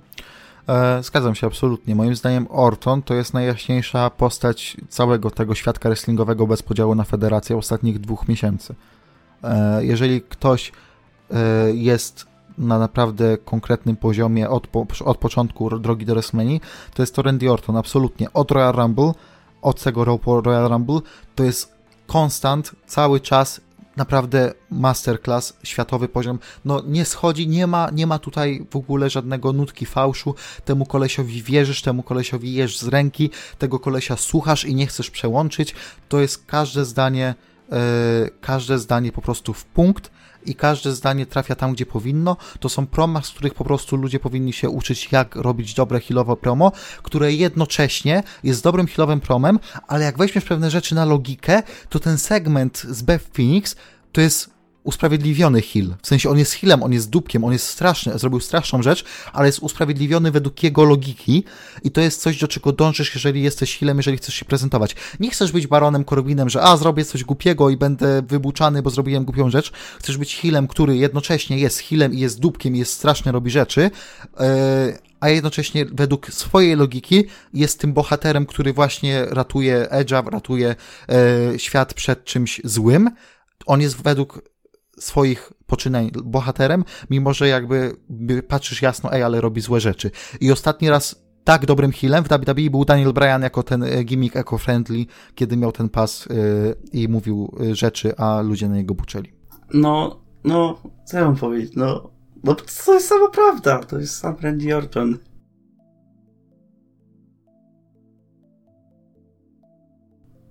Ty zobaczyłeś, co napisałem przed chwilą na Discordzie? W momencie, gdy mówiłeś?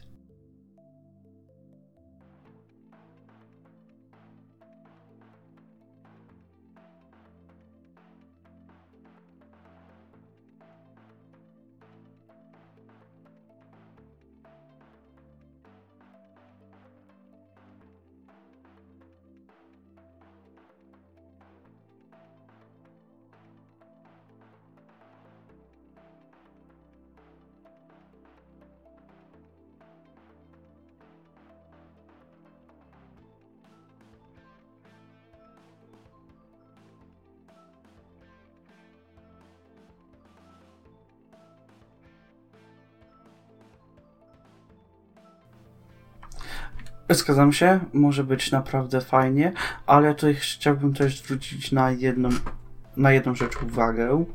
E, mówiłem to już przy Sinie, aczkolwiek tutaj mamy kolejny moment, w którym naprawdę bardzo, ale to bardzo mocno wychwalamy zawodników i znów to są osoby z poprzedniej ery. Mamy tutaj Ortona Jedzia, którzy już walczą, walczą od kilkunastu lat i oni są najjaśniejszym punktem tej drogi do WrestleMania. I wydaje mi się, że to po raz kolejny pokazuje, że wrestling już nie ma tak wielu zawodników, którzy potrafiliby wykręcić naprawdę niesamowite proma oraz dostarczyć takie rywalizacje, e, które po prostu aż chciałbyś mm, śledzić z dnia to na znaczy, z jednej strony się z tobą, wiem o co ci chodzi, a z drugiej strony wydaje mi się, że to jest nie tyle to, że nie ma obecnie takich osób, tylko mm, obecnie specyfika main rosteru jest inna. Powiesz, nie ma takich osób, no to ja ci powiem, czym się ekscytowaliśmy ostatnie miesiące, jeszcze nie tak dawno temu. No, Cody Ciampa... JF. Ciampa kontra Gargano. To jest ta sama federacja cały czas, przypominam, a zrobili coś tak zniuansowanego i tak pięknego. Wy, wycinam ten cały motyw ostatnio, nie mówię o tym teraz, chociaż cały czas są na poziomie, ale to jest, już jest tłumacz moim zdaniem, ale mówię o tym, jak tam ten Gargano był tym healem, tam te niuanse, jak mówiliśmy, że Gargano jest w tym momencie najbardziej rozbudowaną postacią w, w całym wrestlingu. E, no ale tak, jakby inne federacje też potrafią moim zdaniem niuansować i robić fajne rzeczy. Cody kontra MJF, Hangman Page w tym momencie w AEW, trzeba chwalić te rzeczy. E, w Impakcie cały czas moim zdaniem, e, to już trochę dawniej, ale, ale Eddie Edwards był bardzo fajną postacią i tak dalej. Mm. Okej, okay, okej. Okay. Teraz no. ci przerwę. No okej. Okay Zgadzam się, aczkolwiek jednak patrzysz na te, takiego Ortona z Edge'em i tutaj mimo wszystko widzisz ten ta full package. No, tak, ale ja się zgadzam, ale ja się zgadzam, ale moim zdaniem to jest teraz bardziej wina specyfiki main rosteru WWE w to, w którym kierunku poszli, a nie tego, że tam nie ma takich osób, bo moim zdaniem są tam takie osoby, które potrafiłyby to, potrafiłyby to zrobić na podobnym poziomie. Mm, być może nie wiem, Słuchaj, może patrz, prostu... dam, dam przykłady, dam przykłady. Sami Zayn, odkąd dostaje cokolwiek w WWE, robi z tego absolutnie 100%. Absolutnie. Nie masz, nie masz do kolesia nic za złe, bo nieważne co może dostać, czy ma wskakiwać do śmieciarki, czy ma być face'em, czy ma być healem, wyciska 100%. Yy, Owens ma momenty, moim zdaniem jest dużo lepszym healem niż face'em, ale ma momenty. Rollins ma momenty. Yy, no, mimo wszystko trzeba powiedzieć, że momenty też yy, miał e, i to mówię w, w, w czasie przeszłym, nie bez, nie bez przyczyny, miał też, e, no dobra, powiem, powiem to, ale pewnie zostanę zjechany, miał też e, Corbin. Moim zdaniem Styles to jest cały czas koleś, który jest full package'em, może zrobić wszystko absolutnie. No Jasne, możemy mówić, że Brian, halo, Brian, możemy mówić, że no kiedyś to było i tak dalej, ale moim zdaniem to nie jest do końca tak.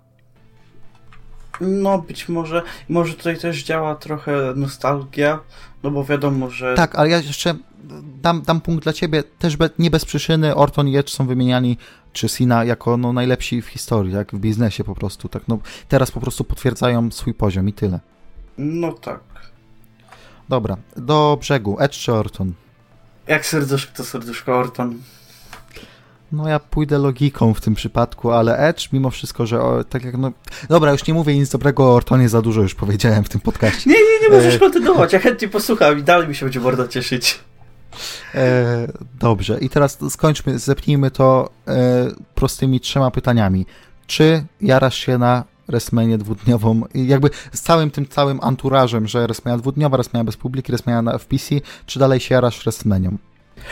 Um, nie wiem, czy mogę to określić jaraniem się, aczkolwiek uważam, że będę się bardzo fajnie bawił, więc czekam. Okej. Okay. E, pytanie numer dwa. Która walka będzie najlepsza?